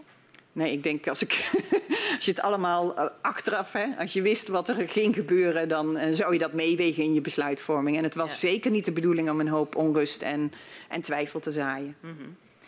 um, in het akkoord op hoofdlijnen staat dat Shell en Exxon garanties afgeven voor de schadeafhandeling en de versterkingsopgave tot het moment dat het Groningenveld sluit of tot uiterlijk 2035. Wat houden deze garanties in? De garanties zijn hè, weer gegeven in de context die u ook schetste. En we hebben in het akkoord op hoofdlijnen uh, twee clausules neergezet. Eén is als wij verwachten beter te weten wat de versterkingsopgave uh, en schade aan kosten geeft, dan kunnen wij die onbeperkte garantie die er gegeven is in uh, een bedrag, een maximumbedrag vastleggen. Dat is belangrijk voor een bedrijf om uh, ook in hun eigen financiële huishouding nemen zij mee welke garanties afgegeven zijn. En als dat onbeperkte of beperkte garanties zijn, dan is dat belangrijk. Dus wij zeiden als er een moment komt om dit te beperken, dan zouden we dit graag willen. Daar staat een clausule in dat dat in 2019 bekeken zou worden. En toen hebben we gezegd, zover hè, zijn we nog niet, dat lijkt ons niet opportun. Mm -hmm. De andere clausule gaat over als de gaswinning afgelopen is en er uh, dus uh, geen productie meer is, dan worden er passende zekerheden gesteld. En uh, ja, dat, zijn, en dat moeten dan zekerheden zijn die passen bij de risico's die je op dat moment hebt. Ja. Um, en als hij dan op de waakvlam staat, is dat dan het einde of nog niet? Hoe moet ik dat zien? In principe staat in de akkoord op hoofdlijnen dat uh, we teruggaan naar nul. Dus dat de productie gestopt wordt. Uh, dat er gestuurd wordt op de vraag naar gas, naar L-gaskwaliteit. Mm -hmm. En dat is de afspraak met de overheid. En ja. we gaan dicht als het niet meer nodig is. Uh, dus een waakvlam is eigenlijk. Nog niet dicht. Is, staat in het akkoord op hoofdlijnen niet beschreven als nee. het punt. Uh, dit is een van de dingen die we nu ook tegen de overheid hebben gezegd: van zullen we moeten aan tafel om te kijken waar we nu staan en uh, wat dit betekent. Want wij willen, hè, wij willen dat het Groningenveld dicht gaat. Mm -hmm. En uh, bijvoorbeeld die passende zekerheden die wij kunnen stellen, staat ook op het lijstje van joh, volgens mij moeten we het daar samen over gaan hebben. Dus zolang, um, ik probeer even goed samen te vatten, zolang de uh, waakvlam er nog is, is het Groningenveld nog niet gesloten. Klopt die conclusie? Die conclusie klopt. Als de waakvlam er is, is het Groningenveld niet gesloten, want er wordt er gas geproduceerd. Maar het akkoord op hoofdlijnen beschrijft dat wij het Groningenveld dicht doen als er geen uh, winning van het gasveld meer is mm -hmm. voor de L-gasmarkt. Ja. Dus het akkoord op hoofdlijnen beschrijft een ander pad. En die ja. zegt wij gaan dicht uh, op dit moment. Dus uh, daar is waakvlamproductie niet doorgedekt. Vandaar dat het mij heel opportun lijkt dat we uh, het gesprek met de overheid uh, toch aangaan om te zeggen... sinds het akkoord op hoofdlijnen is er heel veel veranderd. Mm -hmm. Waar staan we nu? Dus eigenlijk is dit punt, wat ik benoem uh, het punt van de waakvlam... nog onduidelijk hoe daarop te acteren. Ja, dat is een van de dingen waar we het samen over moeten hebben. Wat, dat, wat de overheid wil wanneer het, het staat in het akkoord op hoofdlijnen, geeft duidelijkheid wanneer het Groningenveld gesloten wordt. Ja. Dat is nog niet gebeurd. Nee. Um, en tot die tijd gelden de huidige garanties? De garanties gelden totdat er geen winning meer is nee. van het Groningenveld. En dan gaan we zekerheden stellen. Dus daar zijn we eigenlijk nu aangekomen als we, nu nog niet, maar ik denk ergens volgend jaar, als we zeggen voor de Elgasmarkt hebben we het Groningenveld niet meer nodig. Mm -hmm. Als we geen oorlog in de Oekraïne hadden gehad, eh, als het Groningenveld dicht gegaan, denk ik. Uh, en, en, dan gaan we naar de, de passende zekerheden toe. Maar wij beseffen ons ook dat de omstandigheden anders zijn. Dus ik denk dat het aan de overheid is om aan te geven ja, wat, we, wat we nu samen gaan, gaan bespreken. Ja. Nou gaf u al aan, passende zekerheden zullen worden gesteld voor de periode daarna. Wat wordt bedoeld met het stellen van passende zekerheden?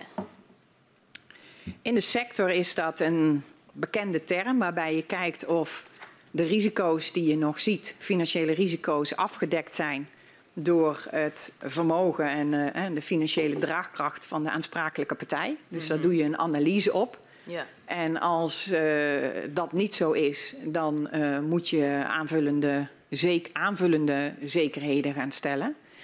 Um, dat is wat de sector doet. Um, maar wij hebben ook aan de overheid aangegeven van ja, we kunnen dit gewoon volgen. Maar mij lijkt het ook heel erg passend om met de overheid hierover te spreken. Wat is nou de reden dat dit nog niet zo uitgewerkt is? Van wat de invulling daarvan is? Passende zekerheden. Het hoort bij het hele het hele stuk eigenlijk wat, waar we over moeten praten met de overheden. Dus dit is één element. Sinds wij het akkoord op hoofdlijnen hebben gesloten in 2018, is er heel veel veranderd. Mm -hmm. Dat is eenzijdig door de overheid besloten. Dat is, hoort ook bij de rol. Hè. In het akkoord op hoofdlijnen maar hebben we gezegd... gesupport of ondersteund door Ik ondersteun de richting, maar het klopt niet meer met de afspraken die we hebben gehad. Dus wij blijven zeggen, en dat staat ook in het akkoord op hoofdlijnen. Als er nou verandering is, dan gaan de partijen met elkaar weer verder in gesprek. Nou, ik denk dat dat gesprek op dit moment uh, heel duidelijk moet plaatsvinden. Vooral ook, en dat blijf ik maar herhalen, omdat ik vind dat het in Groningen nog steeds niet goed genoeg gaat. En dat als wij daarin kunnen helpen met de afspraken die wij met de overheid hebben gemaakt, als daar iets anders nodig is wat het verschil gaat maken aan de voorkant. Hè, de Groningers hebben geen last van de afspraken die de overheid met de NAM heeft gestuurd, maar geven wel aan, en directeur Kortman weer, van als het anders gestructureerd is, krijg ik misschien een breder mandaat, krijg ik één fonds voor alles wat ik moet doen. Mm -hmm. Als dat is wat helpt in Groningen, dan wil ik heel graag aan tafel. En, en wederom, ik blijf dit aanbieden dat ik zie dat die oplossing binnen handbereik zit. Want het geld in NAM gaat daarheen en wat er over overblijft gaat ook naar Groningen in economische investeringen. Dus ik denk dat we hier echt samen uit moeten kunnen komen.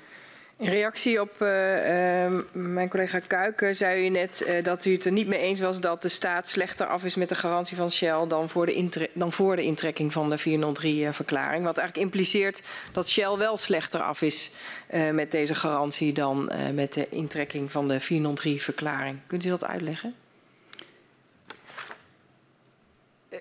De, het verstrekken van een onbeperkte garantie is voor een bedrijf een, een, een uitzondering. Dat doe je normaal niet. Dat wordt gelogd in je financiële huishouding boekje en dat wordt ook gewogen. Uh, dat is een onzekerheid die uh, uh, de markt kan zien. Dus dat is er eentje die op het moment dat wij dat afgegeven hebben, wij willens en wetens zijn aangegaan. maar ja, dat is een, dat is een, een, een extra ja, complicatie, zeg maar. Ik snap het. Ja. Op 22 mei 2019 is er een zware aardbeving bij Westerwijdwerd. En minister Wiebes volgt het advies van staatstoezicht om de gaswinning verder terug te brengen naar minder dan 12 miljard kuub. Dat betekent dus een snellere afbouw dan in het akkoord op hoofdlijnen was afgesproken of voorzien. In hoeverre was u verrast door de aankondiging van minister Wiebes? Ja, het was wel een hè, uh, onverwachte aankondiging, maar wel een begrijpelijke. Uh -huh. Um, dus ik, uh, wij hebben ook gezegd toen het uh, naderhand aan ons meegedeeld werd van dat wij dat wel begrepen. Wanneer kreeg u het meegedeeld? Ik, in mijn herinnering net erna. Oké. Okay. Um, maar we hebben gezegd dat we dat konden zien. Um, er is en u begreep toen, het? Begreep het. Er is door het ministerie van Economische Zaken ook meteen tegen ons gezegd: wij begrijpen dat wij nu met jullie om tafel moeten. Want het akkoord op hoofdlijnen heeft heel duidelijk hier een voorwaarde in dat het zegt van als we afwijken van het basispad, dan moeten wij hierover in gesprek.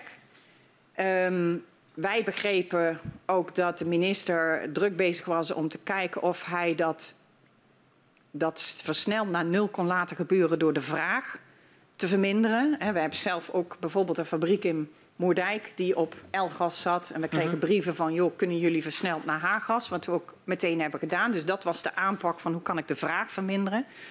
En toen is er door het team ook nagedacht van wat kan er nog meer? En hebben wij zelf aangeboden om een opslag die wij zelf een commercieel gebruik hebben, mm Norg, ja, uh, aan te bieden. En te zeggen van joh, als je het nu anders doet en je doet dit kostenneutraal, daar hoeven we niks aan te verdienen, maar daar willen we ook niks aan verliezen dan denken we dat je echt sneller naar beneden kan. Daar was ja. heel veel oren naar en door het ministerie. Uh, was ook uh, in de zomerperiode waarbij er een nieuw winningsbesluit vastgesteld moest worden. Dus er werd door de minister echt wel gezegd van ik wil dit heel snel uitgewerkt hebben, zodat ik dit per 1 oktober ook mee kan nemen. Ja, dus er zat wel wat tijdsdruk op die onderhandelingen. Ja, ze wilden van ons snel weten of, wij, of dat kon met Norg en hoe dat eruit zou zien. Ja, ja. ja want er, er, u zegt al, economische zaken komt naar ons toe, want uh, het afbouwpad uh, gaat sneller. En dat betekent eigenlijk dat er 33 miljard kuub meer gas in de grond zou blijven zitten uh, dan was voorzien in het akkoord op hoofdlijnen. In hoeverre waren nou de gederfde gasbaten van die 33 kuub onderdeel van de onderhandelingen? dat is in het akkoord op hoofdlijnen heel duidelijk opgeschreven en ook besproken. Dus toen het akkoord op hoofdlijnen is opgesteld, er staat een, een, een clausule in dat wij eigenlijk al die elementen bij elkaar, hè, dus de controle overgeven uh -huh. aan de overheid, wel financieel aansprakelijk zijn, uh, de reserves die in de grond bleven ten opzichte van het basispad afzien, dat wij dat zagen als een samenhang van economische waarde. Uh -huh. Dat als er van het basispad afgeweken zou worden, wa- wat we ons konden voorstellen, want ja, er was Mhm, nog een lange weg te gaan, eh, dat wij dan eh, dat de balans hersteld zou worden en dat wij om de tafel zouden gaan. Ik kan me herinneren dat in de laatste weken van het akkoord op hoofdlijnen onderhandelingen minister van ministerie van Financiën meekeek en zei: ja, wij vinden die clausule eigenlijk niet fijn, want die is een beetje hè, als wij besluiten minder te gaan produceren, dan krijgen wij minder inkomsten en dan zouden we jullie wel moeten vergoeden. Toen heb ik gezegd van ja, maar in het geheel van alles wat wij doen, eh, heeft de overheid toch wel heel stevig onderhandeld op de financiële aspecten. En dan vinden wij het belangrijk dat als die stukken van het gas in de grond blijven, dat dat financieel gebalanceerd wordt. Dus daar hebben we uitgebreid over gesproken en uiteindelijk is In- dat ook akkoord bevonden en ondertekend. Dus daar is een afspraak over gekomen, uiteindelijk. Ehm, maar was u direct met Exxon op één lijn als het gaat over de financiële compensatie van die gemiste volumes? En wij hebben wel toen, hè, eh, in, eh, eh, toen de minister zei we gaan versneld naar beneden en de ministerie Mhm. zei dan moeten wij om de tafel, want wij hebben afgesproken in het akkoord op hoofdlijnen dat we in dit scenario met jullie gaan praten. Waren wij volgens mij op één lijn en initieel ook wel met het ministerie van Economische Zaken op één lijn. eh, dat we zeiden, ja, nu treedt die clausule in werking en dan moeten we het er samen over hebben. Tegelijkertijd hebben wij. Maar dat samen over hebben, zat ook alle partijen gelijk op één lijn?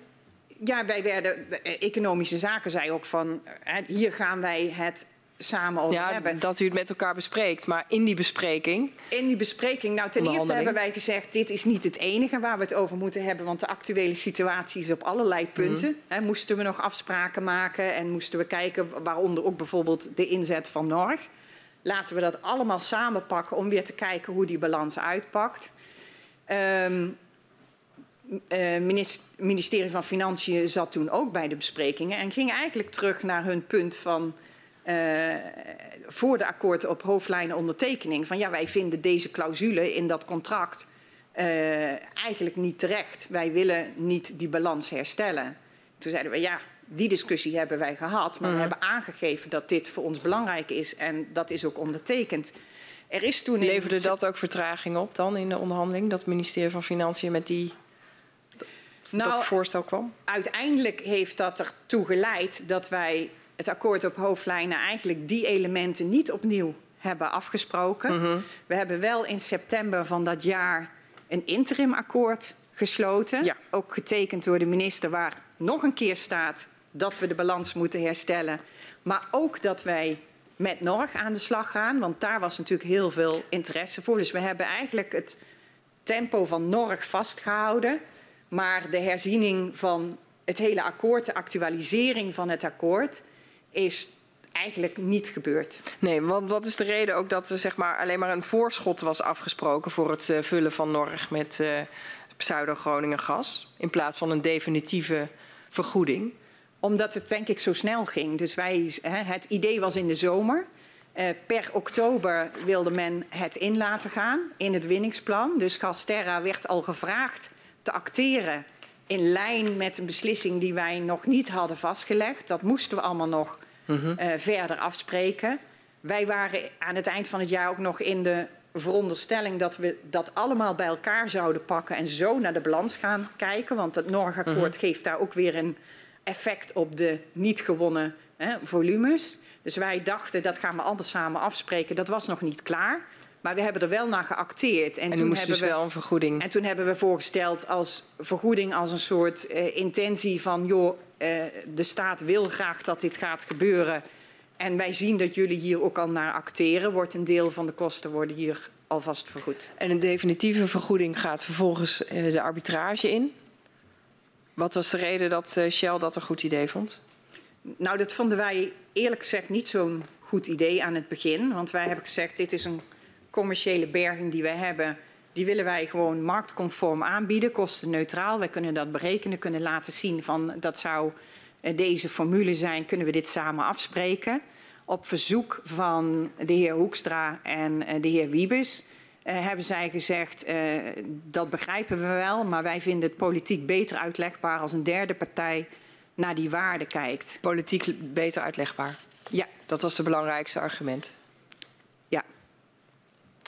Na het uh, interimakkoord onder, onderhandelt u verder met de staat. Um, volgens het interimakkoord moeten partijen te goede trouw overleg plegen en zich naar beste vermogen inspannen om uiterlijk 31 maart 2020 overeenstemming te bereiken. Verwachtte u dat er u eruit zou komen voor deze periode?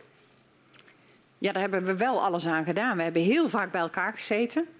Um, dus we, hebben veel gesproken. En ik had ook inderdaad wel de hoop en de verwachting dat omdat het akkoord op hoofdlijnen zo duidelijk was, mm -hmm. omdat het interimakkoord nog een keer getekend door de minister dezelfde intentie had, uh, vond ik het inderdaad frustrerend dat we er uiteindelijk uh, niet uit zijn gekomen. Wat was nou het belangrijkste punt voor Shell in die onderhandelingen?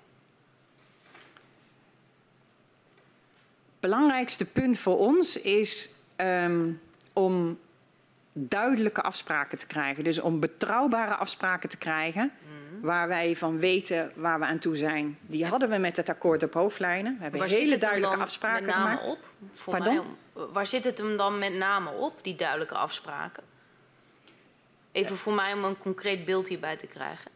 Nou, duidelijke afspraken in het akkoord op hoofdlijnen hebben we afspraken gemaakt over um, verantwoordelijkheden, over verwachtingen waar het heen gaat uh, met, met productievolumes. En we hebben ook gezegd, als het anders is, dan gaan we dat in balans herstellen. De overheid wijkt daar eenzijdig van af. Wij zeggen, dan gaan we samen om de tafel gaan we nieuwe afspraken maken hoe het er nu uitziet. Mm -hmm. En dan vind ik het frustrerend dat we die nieuwe afspraken dus niet kunnen maken. Dus we leven nu in een actuele situatie die heel anders is. Terwijl de enige afspraken die we eigenlijk samen hebben vastgelegd, mm. is het interimakkoord. Ja, nu het Noordakkoord, het interimakkoord en, en het akkoord ja. op hoofdlijnen. En ja, die, die weerspiegelen niet waar we nu zijn. Nee. En, en, ik, vind, ik vind die betrouwbare afspraken vind ik heel belangrijk. En tegelijkertijd blijf ik tegen de overheid zeggen... er is financiële oplossingsruimte. Waar ben je bang voor? Kom maar, we komen, er, we komen er samen uit. En dat vind ik moeilijk, want ik denk dat duidelijke afspraken voor iedereen gewoon hard nodig zijn. En u zegt uh, hierbij, ja, de financiën hoeven niet per se het punt te zijn. Dus de hoogte van bedragen maak je maar daar niet zo druk over. We hebben de ruimte wel. Uh, beluister wat, ik dat wat, goed? Wat we blijven zeggen is, er is een stuk schade en, eh, schade en versterking wat we afspreken Um, er is een, een, balans met de overheid over de uh, financiën die bij NAM komen. En het stuk wat ik overhoud daarvan gaan we investeren in Groningen. Ja. Dus wij willen duidelijke afspraken hebben met de overheid als onze ook commerciële partner hoe wij uh, die verdeling gaan doen. Daar hebben we afspraken over. Die moeten duidelijk zijn. Dan kunnen wij ook weer door met wat gebeurt er uh, in de NAM en wat kunnen wij met de gelden die in de NAM staat. En ik vind een betrouwbare, betrouwbare afspraken en, en betrouwbaarheid in doen wat je ook afgesproken hebt, vind ik, vind ik ook belangrijk. En wat is dan het grootste pijnpunt hier? Ik vind het, het nog steeds moeilijk dat we een discussie hebben gehad, in de akkoord op hoofdlijnen hebben afgesproken het zo te doen dat in het interimakkoord we hebben afgesproken het zo te doen. En dat mhm. het argument dan is, ja, daar ben ik het eigenlijk niet mee eens. Uh, dus dit wil ik niet meer. Uh, en dan spreken we daar dus niet over. Dat vind ik, uh, ja, dat vind ik jammer. Dat hebben we ook echt geëscaleerd, hebben we ook echt besproken, zowel met de partijen. maar daar zijn we uiteindelijk niet uitgekomen. Nee, want uiteindelijk wordt de datum van 31 maart niet gehaald. 2020.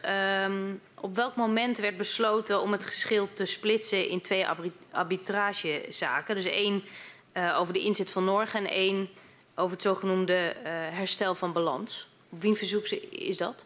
Uh, dat is op, besproken in een gesprek met minister Hoekstra en minister Wiebes. Mm -hmm. Die uiteindelijk aan ons hebben gevraagd aan de ene kant om de arbitrage op het Norge-akkoord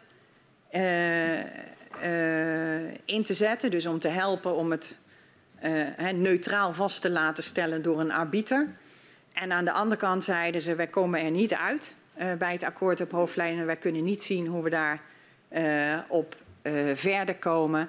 En het staat jullie vrij om daar je eigen arbitrage of route in te kiezen.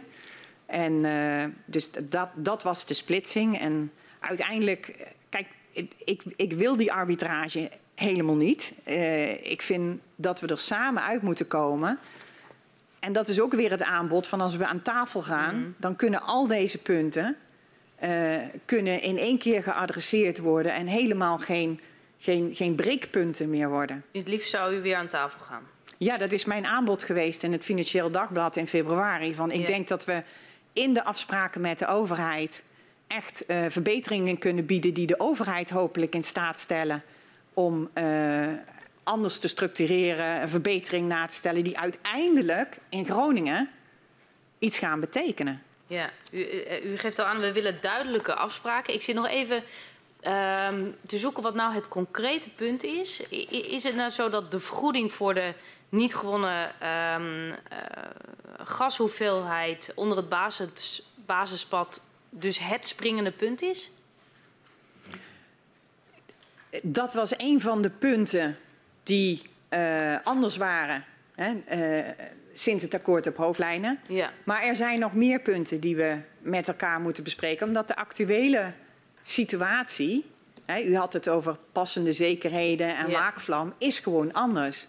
En ik denk dat als we om tafel gaan en we slimmere oplossingen hiervoor vinden, dat heel veel van dit soort zaken helemaal geen breekpunten hoeven te zijn. Die oplossingsruimte is er. Um, en eh, we leven nu in een andere actuele context dan het in 2018. Dus ik heb afspraken met de overheid die echt niet meer passen bij waar we nu zitten. Um, ja, en dan zit ik toch nog even, want u heeft een aantal keer ook herhaald. Uh, uh, eenzijdig heeft uh, de staat uh, afgeweken van de afspraken. Hè. Dat gaat over het naar nul brengen en ook sneller naar ja. nul brengen. Um, maar dat waren wel zaken die ook Shell supporten. Zeker. En waarvan we afgesproken hebben dat als het gebeurde, we samen een ja. discussie gingen hebben om de financiële balans tussen overheid en Exxon en Shell te herstellen. Dus wij zijn het eens met de richting. We, waren het ook, we hebben ook gevraagd aan de overheid om die regie te nemen, maar we hadden ook afgesproken wat we zouden gaan doen als dat zou gebeuren. Uh, we gaan het nog even hebben over Norg. Uh, het akkoord uh, van 8 maart 2021 regelt dat de gasopslag van Norg niet langer Groningen gas, maar ja, pseudo-Groningen gas noemen we dat, hè, geconverteerd hoogcalorisch gas. Wat was het belang voor Shell eigenlijk om Norg beschikbaar te stellen? We hebben dat kostenneutraal gedaan. Dus er is geen, geen winst en geen verlies. Dat is het uitgangspunt. Dat is ook berekend door die arbiter. En het belang van Shell was uh, om eigenlijk uh, de minister te steunen in zijn strategie. Waarbij hij zei: Ik ga nog sneller naar nul. Wij zeiden: Wij kunnen dit wel zien dat je uh, zegt: Ik wil daar zo snel mogelijk naartoe bewegen. Dus wij hebben daarin geprobeerd behulpzaam te zijn met, een, met een creatief idee. En hoe stond Exxon daarin? Hetzelfde. de staat betaalt dan een vergoeding. Uh, en hiervoor is voor het eerste jaar een voorlopig uh, bedrag vastgesteld. Daar hadden we het net al even over, over van 90 miljoen euro. Dat zou verrekend worden zodra er uh, definitieve afspraken waren. en de vergoeding bestaat uit vier elementen. Nou, ik denk dat u heeft uitgelegd wat de reden is dat er uiteindelijk arbitrage nodig was over, die, over dat akkoord. Uh, en die uh, vergoeding uh, kan oplopen naar 7,5 miljard euro, zoals in, dat, um, in die arbitrage is benoemd. En uit de miljoenennota van 2023, die wij nu een paar weken in bezit hebben, blijkt dat dit bedrag is opgelopen tot ongeveer 10 miljard euro. Stel nou dat er al eerder een, een afspraak tot stand was gekomen. hoe had het bedrag er dan ongeveer uitgezien, denkt u? Ja, dat is de hypothese. Ik kan dat niet, niet inschatten. Maar wij waren bereid om hier, wat we zeiden, een marktconforme afspraak over te maken. Om te zeggen van, joh, zullen we dit samen afspreken? Uh, dan had er dit mogelijk anders uitgezien. Want marktconform betekent ook met de gasprijzen van dat moment. Ja, wij hebben gezegd, wij hoeven hier niks aan te verdienen. Maar je moet natuurlijk wel gas inkopen en opslaan. En de prijs van dat gas kan anders zijn. Dus ja, die rekening was denk ik ook opgelopen gewoon met de gasprijs. Mm -hmm. Maar de uiteindelijke uh, situatie voor, voor Shell of Esso is onveranderd. Wij, wij verdienen hier niet aan.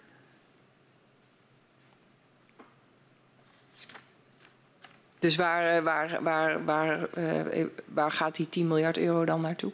Naar de inkoop van gas, eigenlijk naar het verplaatsen van het anders geproduceerde Groningengas. Mm -hmm. Wordt nu op een andere manier ingevuld. En er dus- blijft niks aan, zeg maar, achter voor Shell? Nou, wat ik zei, het is, het is neutraal ten opzichte van het niet inzetten van Norg. Oké. Okay. Um, het Norgakkoord loopt uh, tot en met 2027. Wat is de reden uh, voor, de, uh, voor het aflopen van het akkoord in dat jaar? Dat heeft um, te maken, denk ik, met het, de inschatting van hoe lang dit nodig is. Um, dat, zoals we nu ernaar kijken, kan dat uh, eerder zijn. Hè? Dus als de hoeveelheid L-gas sterk vermindert, dan heb je de vulling van Norg in die jaren waarschijnlijk ook niet nodig. De overheid vond het belangrijk, zeker in het, aan het begin, om te zeggen van joh, wij willen niet dat als Norg nog nodig is, jullie in één keer zeggen van uh, we houden ermee op. We doen dit niet meer. Mm -hmm. Dus zijn jullie bereid om dit te doen zolang het nodig is? En dat hebben we hiermee aangegeven. Dus betekent dat dat de staat nog een vergoeding betaalt, uh, ook als er geen gas meer wordt gewonnen uit het Groningerveld? Dat voor, denk ik. Voor het gebruik van Noord? Hè, dat, nou, dat alleen zolang er um, uh, wel gasvraag is, L-gasvraag is, en dat uit Norg geleverd moet worden in de plaats van het Groningenveld. Dan maak je natuurlijk nog gebruik van Norg. Um, mm-hmm. Maar eh, zo gauw die L-gasvraag veel lager wordt, dan heb je Norg waarschijnlijk niet meer nodig. En dan heb je andere middelen om aan die L-gasvraag nog te voorzien. Maar dus de, de vergoeding bestaat uit een aantal elementen. Hè, en, een, en, die elementen zijn de extra inkoopkosten van Gasterra, de extra transportkosten, de extra kosten voor het, door het wegvallen van flexibele inzet uh, van Norg en de gederfde inkomsten. Um, en mijn vraag was, betaalt de staat nog een vergoeding zodra geen gas meer wordt gewonnen uit het Groningerveld? De staat betaalt de vergoeding zolang ze gebruik maken van Norg. Precies, oké. Okay. Um, wat is nou de reden dat het niet gelukt is om in maart 2021 tot een vaste vergoeding uh, te komen? Voor Norg? Voor meerjarig gebruik van Norg, ja. Uh, volgens mij is er, maar ik weet niet of ik het nu helemaal correct zeg, is dat er dus die elementen worden afgerekend uh, met uh, de werkelijke kosten. Dus er wordt elke keer berekend wat, zijn, hè, wat is de gasprijs, wat zijn de kosten geweest. En die worden dan vergoed door de staat. Mm -hmm. uh, dus de kosten gaan mee met de marktprijs van, van het ingekochte gas. En is dat, dan, is dat dan de reden dat het niet gelukt is om tot een vaste vergoeding te komen? Omdat de, kosten, omdat de prijzen veranderen en dus ook de kosten? Is dat wat u zegt? Ja, dat denk ik. Ik denk dat als je kostenneutraal je zegt van joh, dit, dit koop je in op de markt en de overheid zorgt dat dat gas ingekocht wordt, dan betaal je die marktprijs. Maar de methode is volgens mij wel vastgelegd. Dus de, de uitkomst kan meegaan met de markt. Maar hoe het berekend wordt is vastgelegd in het akkoord en door de arbiter ook uh, uh, bekeken. Maar wat is dan de reden dat dat in maart 2021 nog niet gelukt is om dat zo met elkaar af te spreken? Ik begrijp uw vraag niet helemaal. Het is dus niet gelukt in maart 2021 om een meerjarige gebruiksvergoeding vast te stellen met elkaar. Wat is nou de belangrijkste reden dat dat niet gelukt is?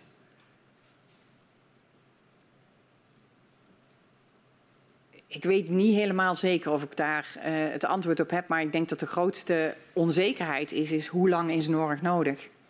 Okay. Uh, dus, uh, en, en ook nu nog is dat een vraag die, we, die we met de overheid moeten landen. u noemde al een paar keer het woord kostenneutraal, maar toch nog even scherp krijgen. In hoeverre maken Shell en of Exxon nou winst op het alternatieve gebruik van Norg? Bij de huidige vergoeding? Het gebruik, het, het is om het even voor ons of wij Norg uh, inzetten zoals de overheid heeft gevraagd voor pseudogas, of dat we dat niet zouden doen en zelf commercieel gebruik zouden maken van de opslag. Ehm, als wij uh, dus dat ten opzichte van uh, die twee scenario's zijn de uitkomsten hetzelfde. Ja, dus of de, de, winst die u in de ene geval zou maken is hetzelfde als de winst die u Precies. in het andere geval zou maken. Ja. Helder. Um, ik wil nog even uh, ingaan op de verhouding uh, Shell versus uh, Exxon. Waarom wilde Shell in tegenstelling tot Exxon dooronderhandelen met de overheid om zo spoedig mogelijk tot een akkoord te komen?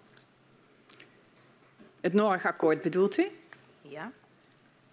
Um, ja, wij waren na de, het gesprek met minister Hoekstra en minister Wiebes van mening dat het aan de ene kant jammer is dat we dat gezamenlijkheid van dat akkoord op hoofdlijnen, inclusief Norg, wat we samen wilden pakken, dat had onze voorkeur. Maar als het niet kan, en de oproep van de overheid was, wij willen heel graag een Norg-akkoord, hebben wij gezegd, dat gaan we doen. Mm -hmm. En dan parkeren we dat andere wel weer voor later. Exxon zat daar anders in. Uh, en zei, nee, wij vinden dit toch dat we moeten proberen om die nieuwe afspraken voor de actualisatie van het akkoord op hoofdlijnen, dat stond in het contract. Dat moeten we niet loslaten. En uiteindelijk hebben wij uh, gezegd tegen Exxon, nou wij gaan het Norg-akkoord wel sluiten. En uh, hebben, dat, hebben dat zo uh, gecommuniceerd. Ja. En um, dan toch de vraag, waarom, waarom wilde Exxon dat niet? Exxon zag het nog steeds als onderdeel van het actualiseren van het akkoord op hoofdlijnen. Het is ja. één geheel daarbij. En we zouden dat allemaal gezamenlijk moeten bespreken. Het heeft ook effect op elkaar. Ja.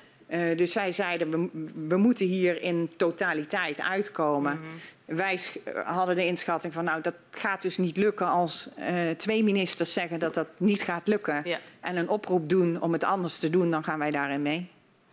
Waren ze bang om, om leverage te verliezen?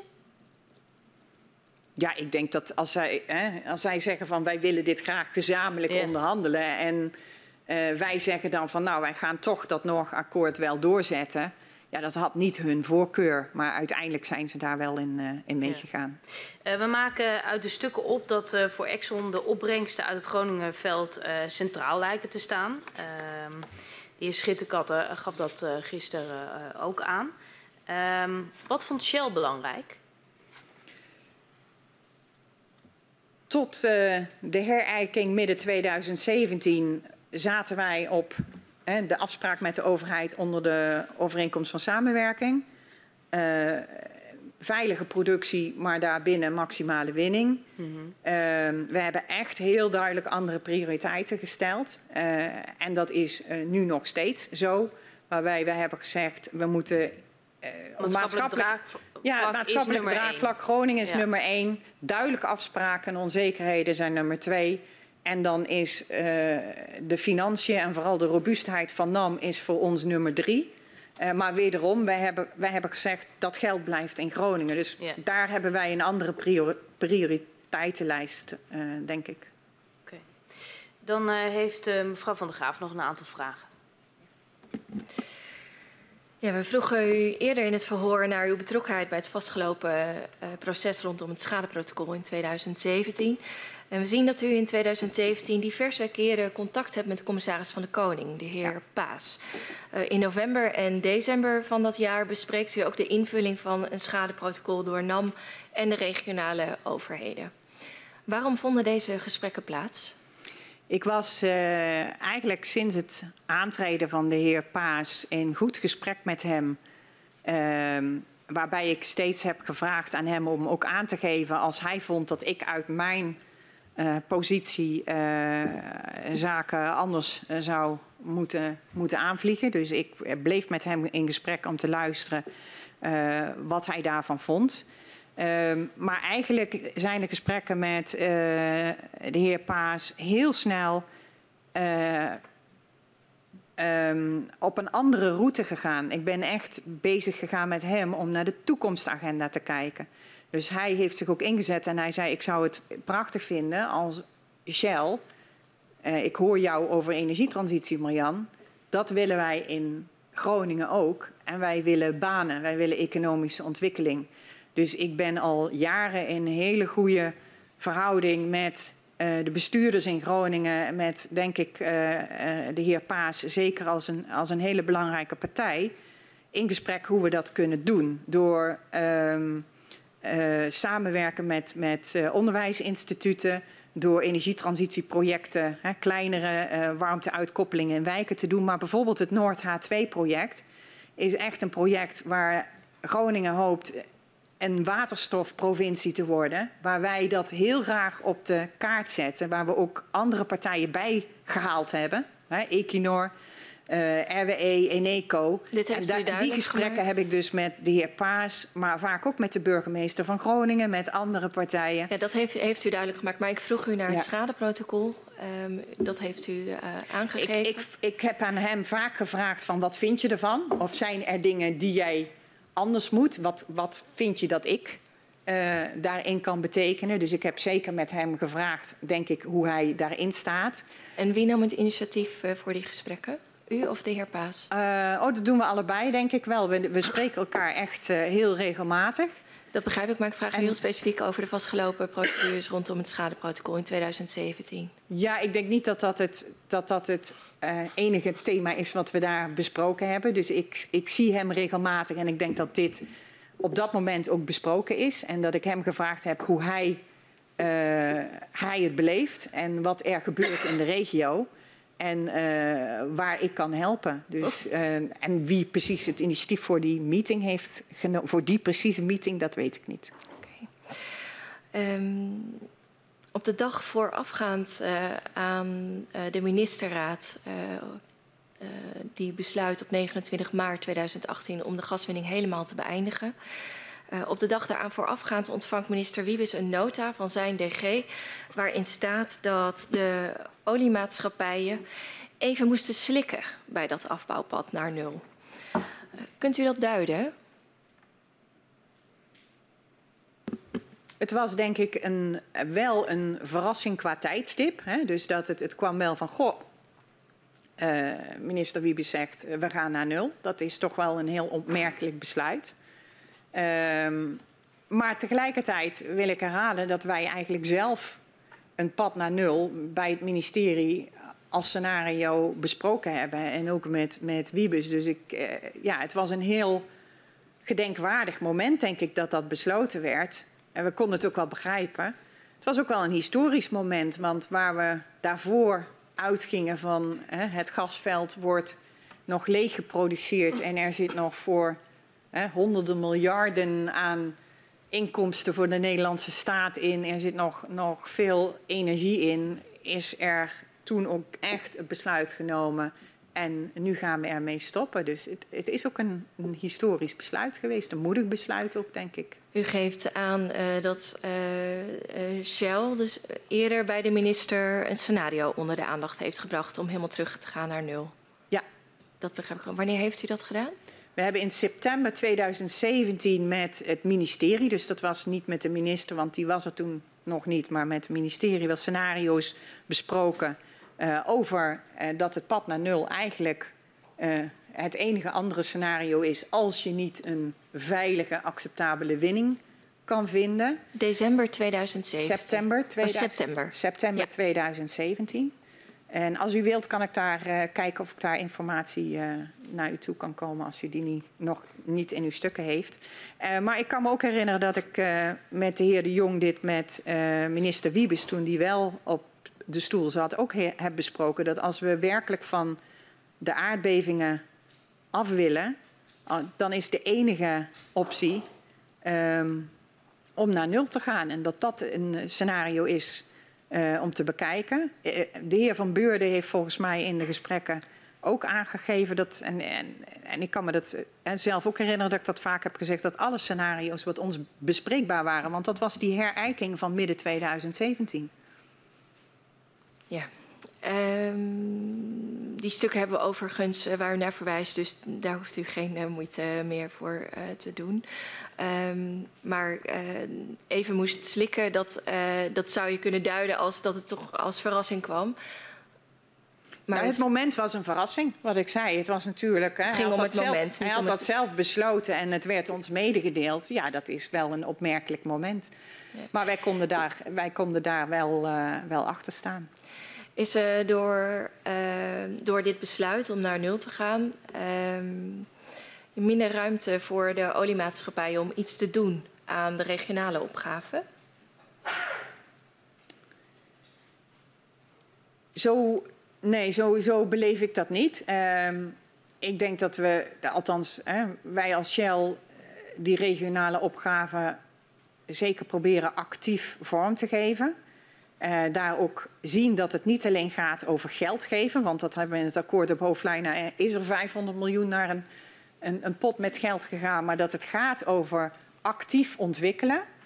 Uh, dus ik, ik, zie niet dat dat gehinderd werd. Wat ik jammer vind, is dat ik er weinig tractie bij de overheid voor heb gekregen. Nu ook nog ben ik met uh, projecten voor de waterstofagenda hard aan het aankloppen of er geen speciale interesse van de overheid is om te kijken of we die projecten niet kunnen ontwikkelen in, in Groningen. En ik zou daar heel graag uh, meer in doen. U wilde meer doen voor uh, de regio dan het bedrag wat in het akkoord op hoofdlijnen is overeengekomen. Ja, ik denk dat het, akkoord, eh, dat het bedrag in het akkoord op hoofdlijnen wat we hebben gedaan ging over uh, de rafelranden van de schade- en versterkingsopgave. Het punt dat er in Groningen meer aan de hand is dan schade door aardbevingen. En dat daar geld voor nodig is. Ik denk dat voor de economische ontwikkeling van Groningen er meer nodig is dan het geld uit het AOH en ook meer nodig is dan alleen geld geven. En uh, dat is het punt, denk ik, waar ik sinds 2016, hè, van goh, kan er een groter gedeelte van uh, de baten uh, van de gaswinning, van de inkomsten van de gaswinning, ook van de staat, hierop ingezet worden. En ja, dat blijft een agenda die ik ook nu nog blijf voeren met de overheid. Over de versterkingsoperatie en uh, ditzelfde uh, moment in de tijd. Uh, steunde Shell de lobby van NAM om de versterkingsoperatie in Groningen te verkleinen? Nee, ik zou het zo zeker niet, niet zeggen. Wat wij hebben gezegd is dat we altijd de laatste inzichten moesten gebruiken, dus de beste informatie. En uh, toen minister Wiebes zei, we moeten die versterkingsopgave niet meer willen. Uh, ik ga dit anders doen. Hier komt een reset voor. Uh, waren wij wel uh, benieuwd hoe dat zou gaan. We hebben ook gevraagd, gebruik daar de laatste inzichten voor. Zorg dat je daar de, de beste inzichten voor gebruikt. Um, maar het is uiteindelijk aan de staat. We hadden die regie overgegeven aan de staat om te besluiten hoe dat vorm moest krijgen. Maar er was een lobby van uw operator om de versterkingsoperatie te verkleinen. Steunde u die lobby? Nee, NAM zat dus in, denk ik, de, de uitvoering van de versterking gaat veranderd worden. De overheid heeft gezegd, hè, we gaan op een knop duwen en we gaan dit anders doen. Uh, NAM wilde ook weten, wat gaat er gebeuren? Dit was over in aanloop naar die pauzeknop. Steunde Shell die lobby om de versterkingsoperatie te verkleinen? Nee, ik, ik, als ik het mag benoemen dat NAM duidelijkheid wilde krijgen over hoe de versterkingsopgave zich verhield tot hun aansprakelijkheid. Dus wat gebeurt er met versterkingen zodat huizen veilig worden? Uh, wordt ook echt de veiligheid aangepakt en wordt dat zo snel mogelijk aangepakt? Dat is een lijn die ik zeker steunde en kon steunen. Uh, maar dat uh, de versterking een complexe zaak was waarbij er meerdere dingen dan alleen de aansprakelijkheid van NAM bij elkaar kwam en dat daar dus modellen gezocht werden door de uitvoeringsinstantie om dat goed te doen in Groningen, dat kon ik ook wel begrijpen.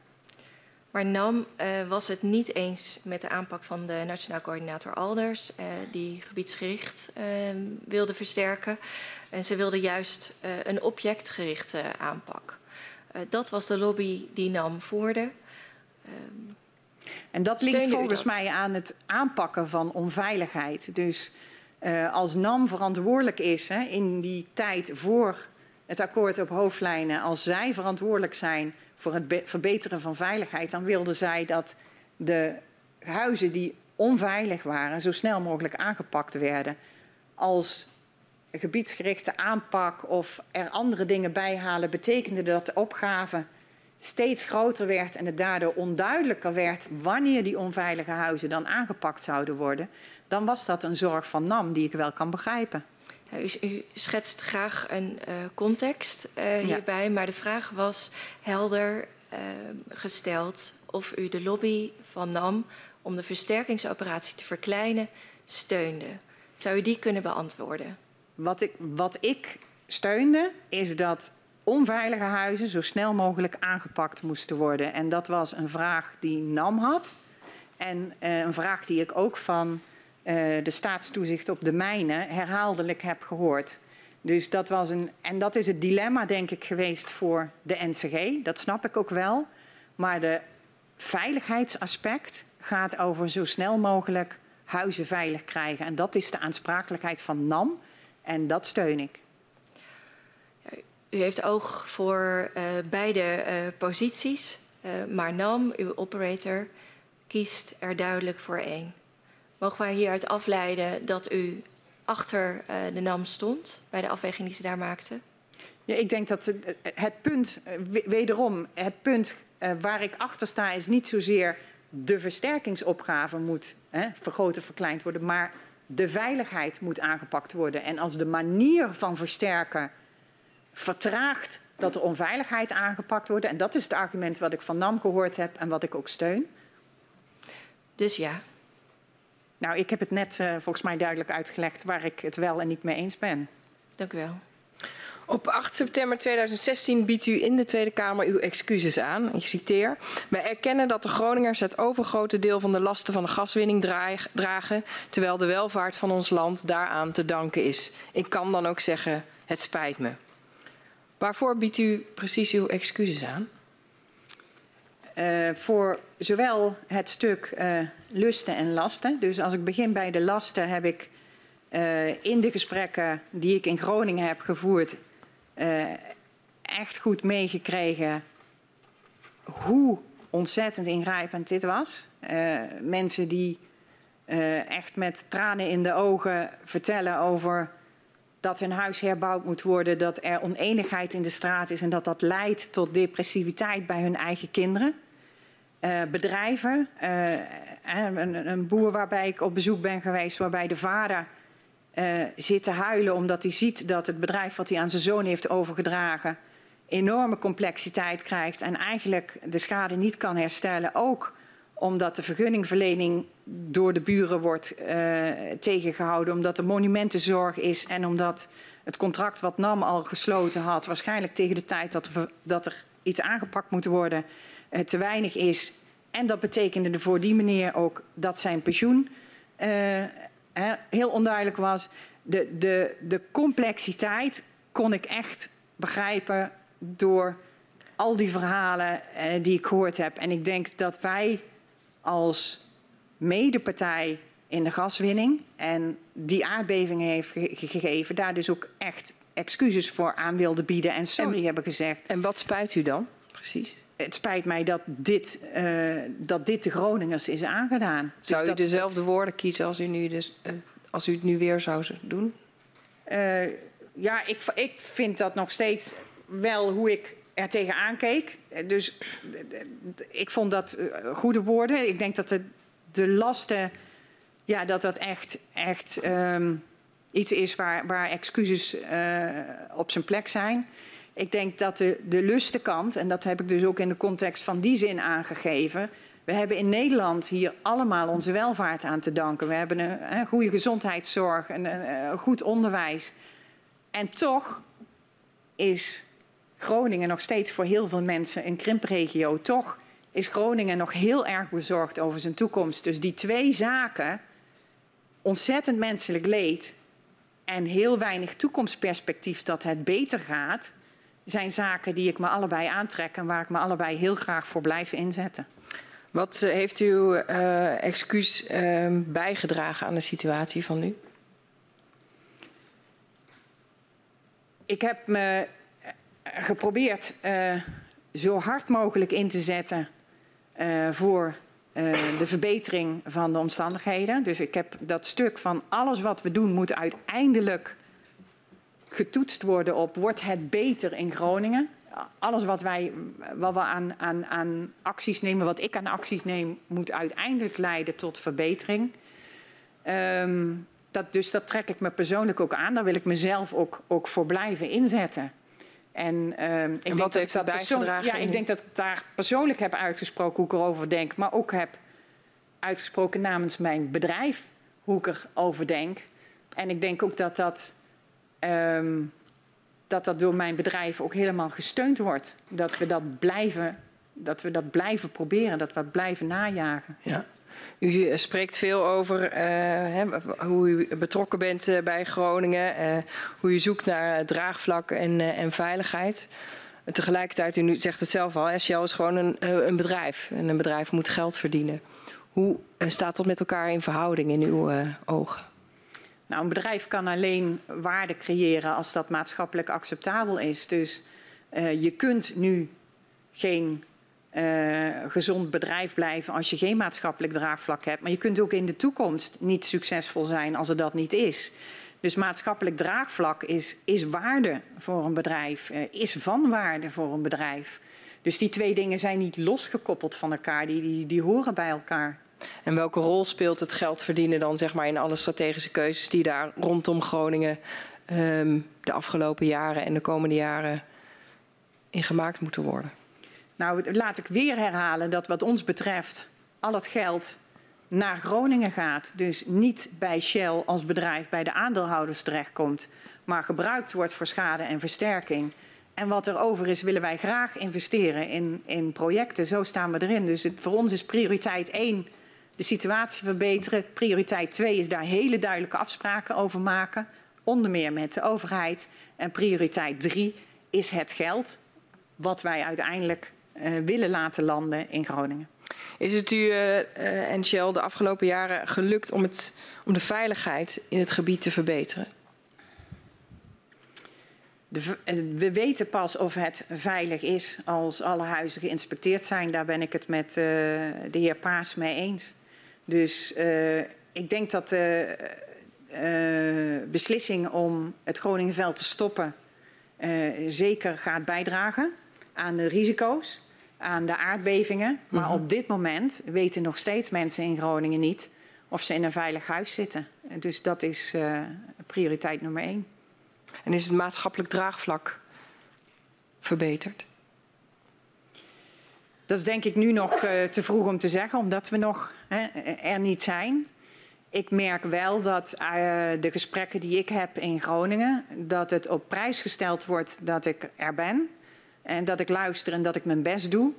En uh, dat het ook zeker op prijs gesteld wordt dat we samen aan een gezamenlijke toekomst werken. Dus ik hoop dat dat helpt aan het maatschappelijk draagvlak voor Shell. Bent u van mening dat de gaswinning in Groningen uh, uiteindelijk wordt teruggebracht uh, om redenen van technische veiligheid of om redenen van de beleving van de veiligheid? Nou, ik zou die twee dingen niet zo precies willen zeggen. Ik denk dat het gaat over, over veiligheid. Uh, en er zijn modellen, maar dat zijn statistische modellen. En je weet pas of iets echt veilig is als je weet of hoe zo'n huis gebouwd, verbouwd, gerenoveerd of wat dan ook is. Dus uh, uiteindelijk uh, moeten we dat weten. Uh, wat niet wegneemt dat het natuurlijk voor mensen zelf ontzettend belangrijk is dat ze zich ook veilig voelen. daarvoor is dit randvoorwaarde nummer één. die inspecties en weten dat je, dat je huis veilig is.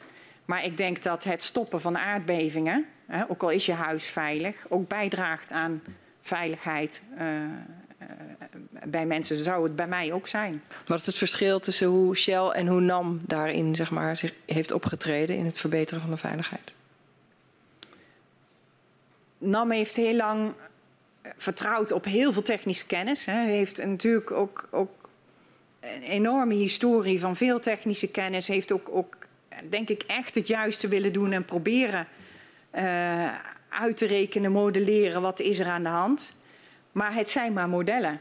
En uiteindelijk is er heel veel discussie ontstaan over modellen en over welke acties er plaats moeten vinden. Ik denk dat wat, wat ik heb geprobeerd te doen is op een gegeven moment te zeggen van joh, hier gaan we niet meer uitkomen. We moeten niet proberen hier te blijven zoeken naar wie heeft het hier bij het rechte eind. We moeten zorgen dat dit stopt. En dat is de reset die we hebben geprobeerd uh, te geven. U uh, gaf straks al aan, hè, er is ook een waterstofagenda. Er uh, wordt veel gedaan, ook aan publiek-private samenwerking. Welke leerpunten neemt Shell nou mee uit de ervaringen rondom gas in de, onder andere de waterstofagenda die voor ligt?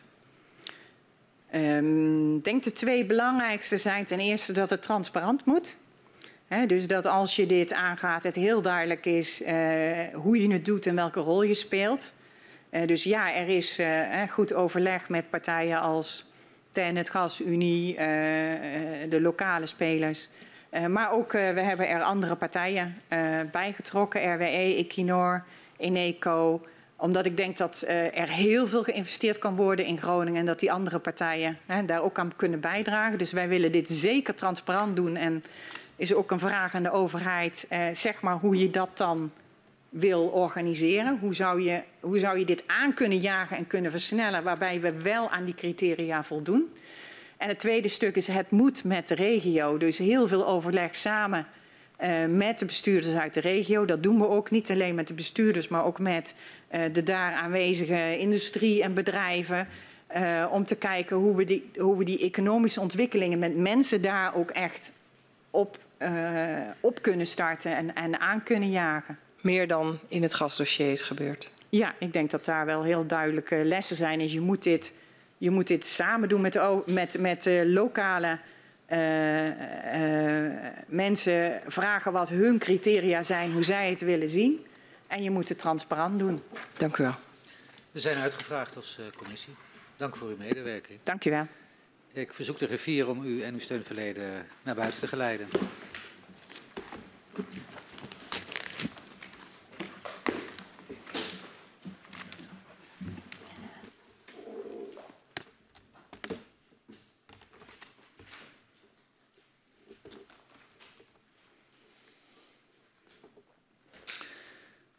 Het volgende verhoor zal straks om half twee aanvangen. En dat is met de heer Van Hoogstraten, de CEO van Energiebeheer Nederland. Ik uh, sluit de vergadering.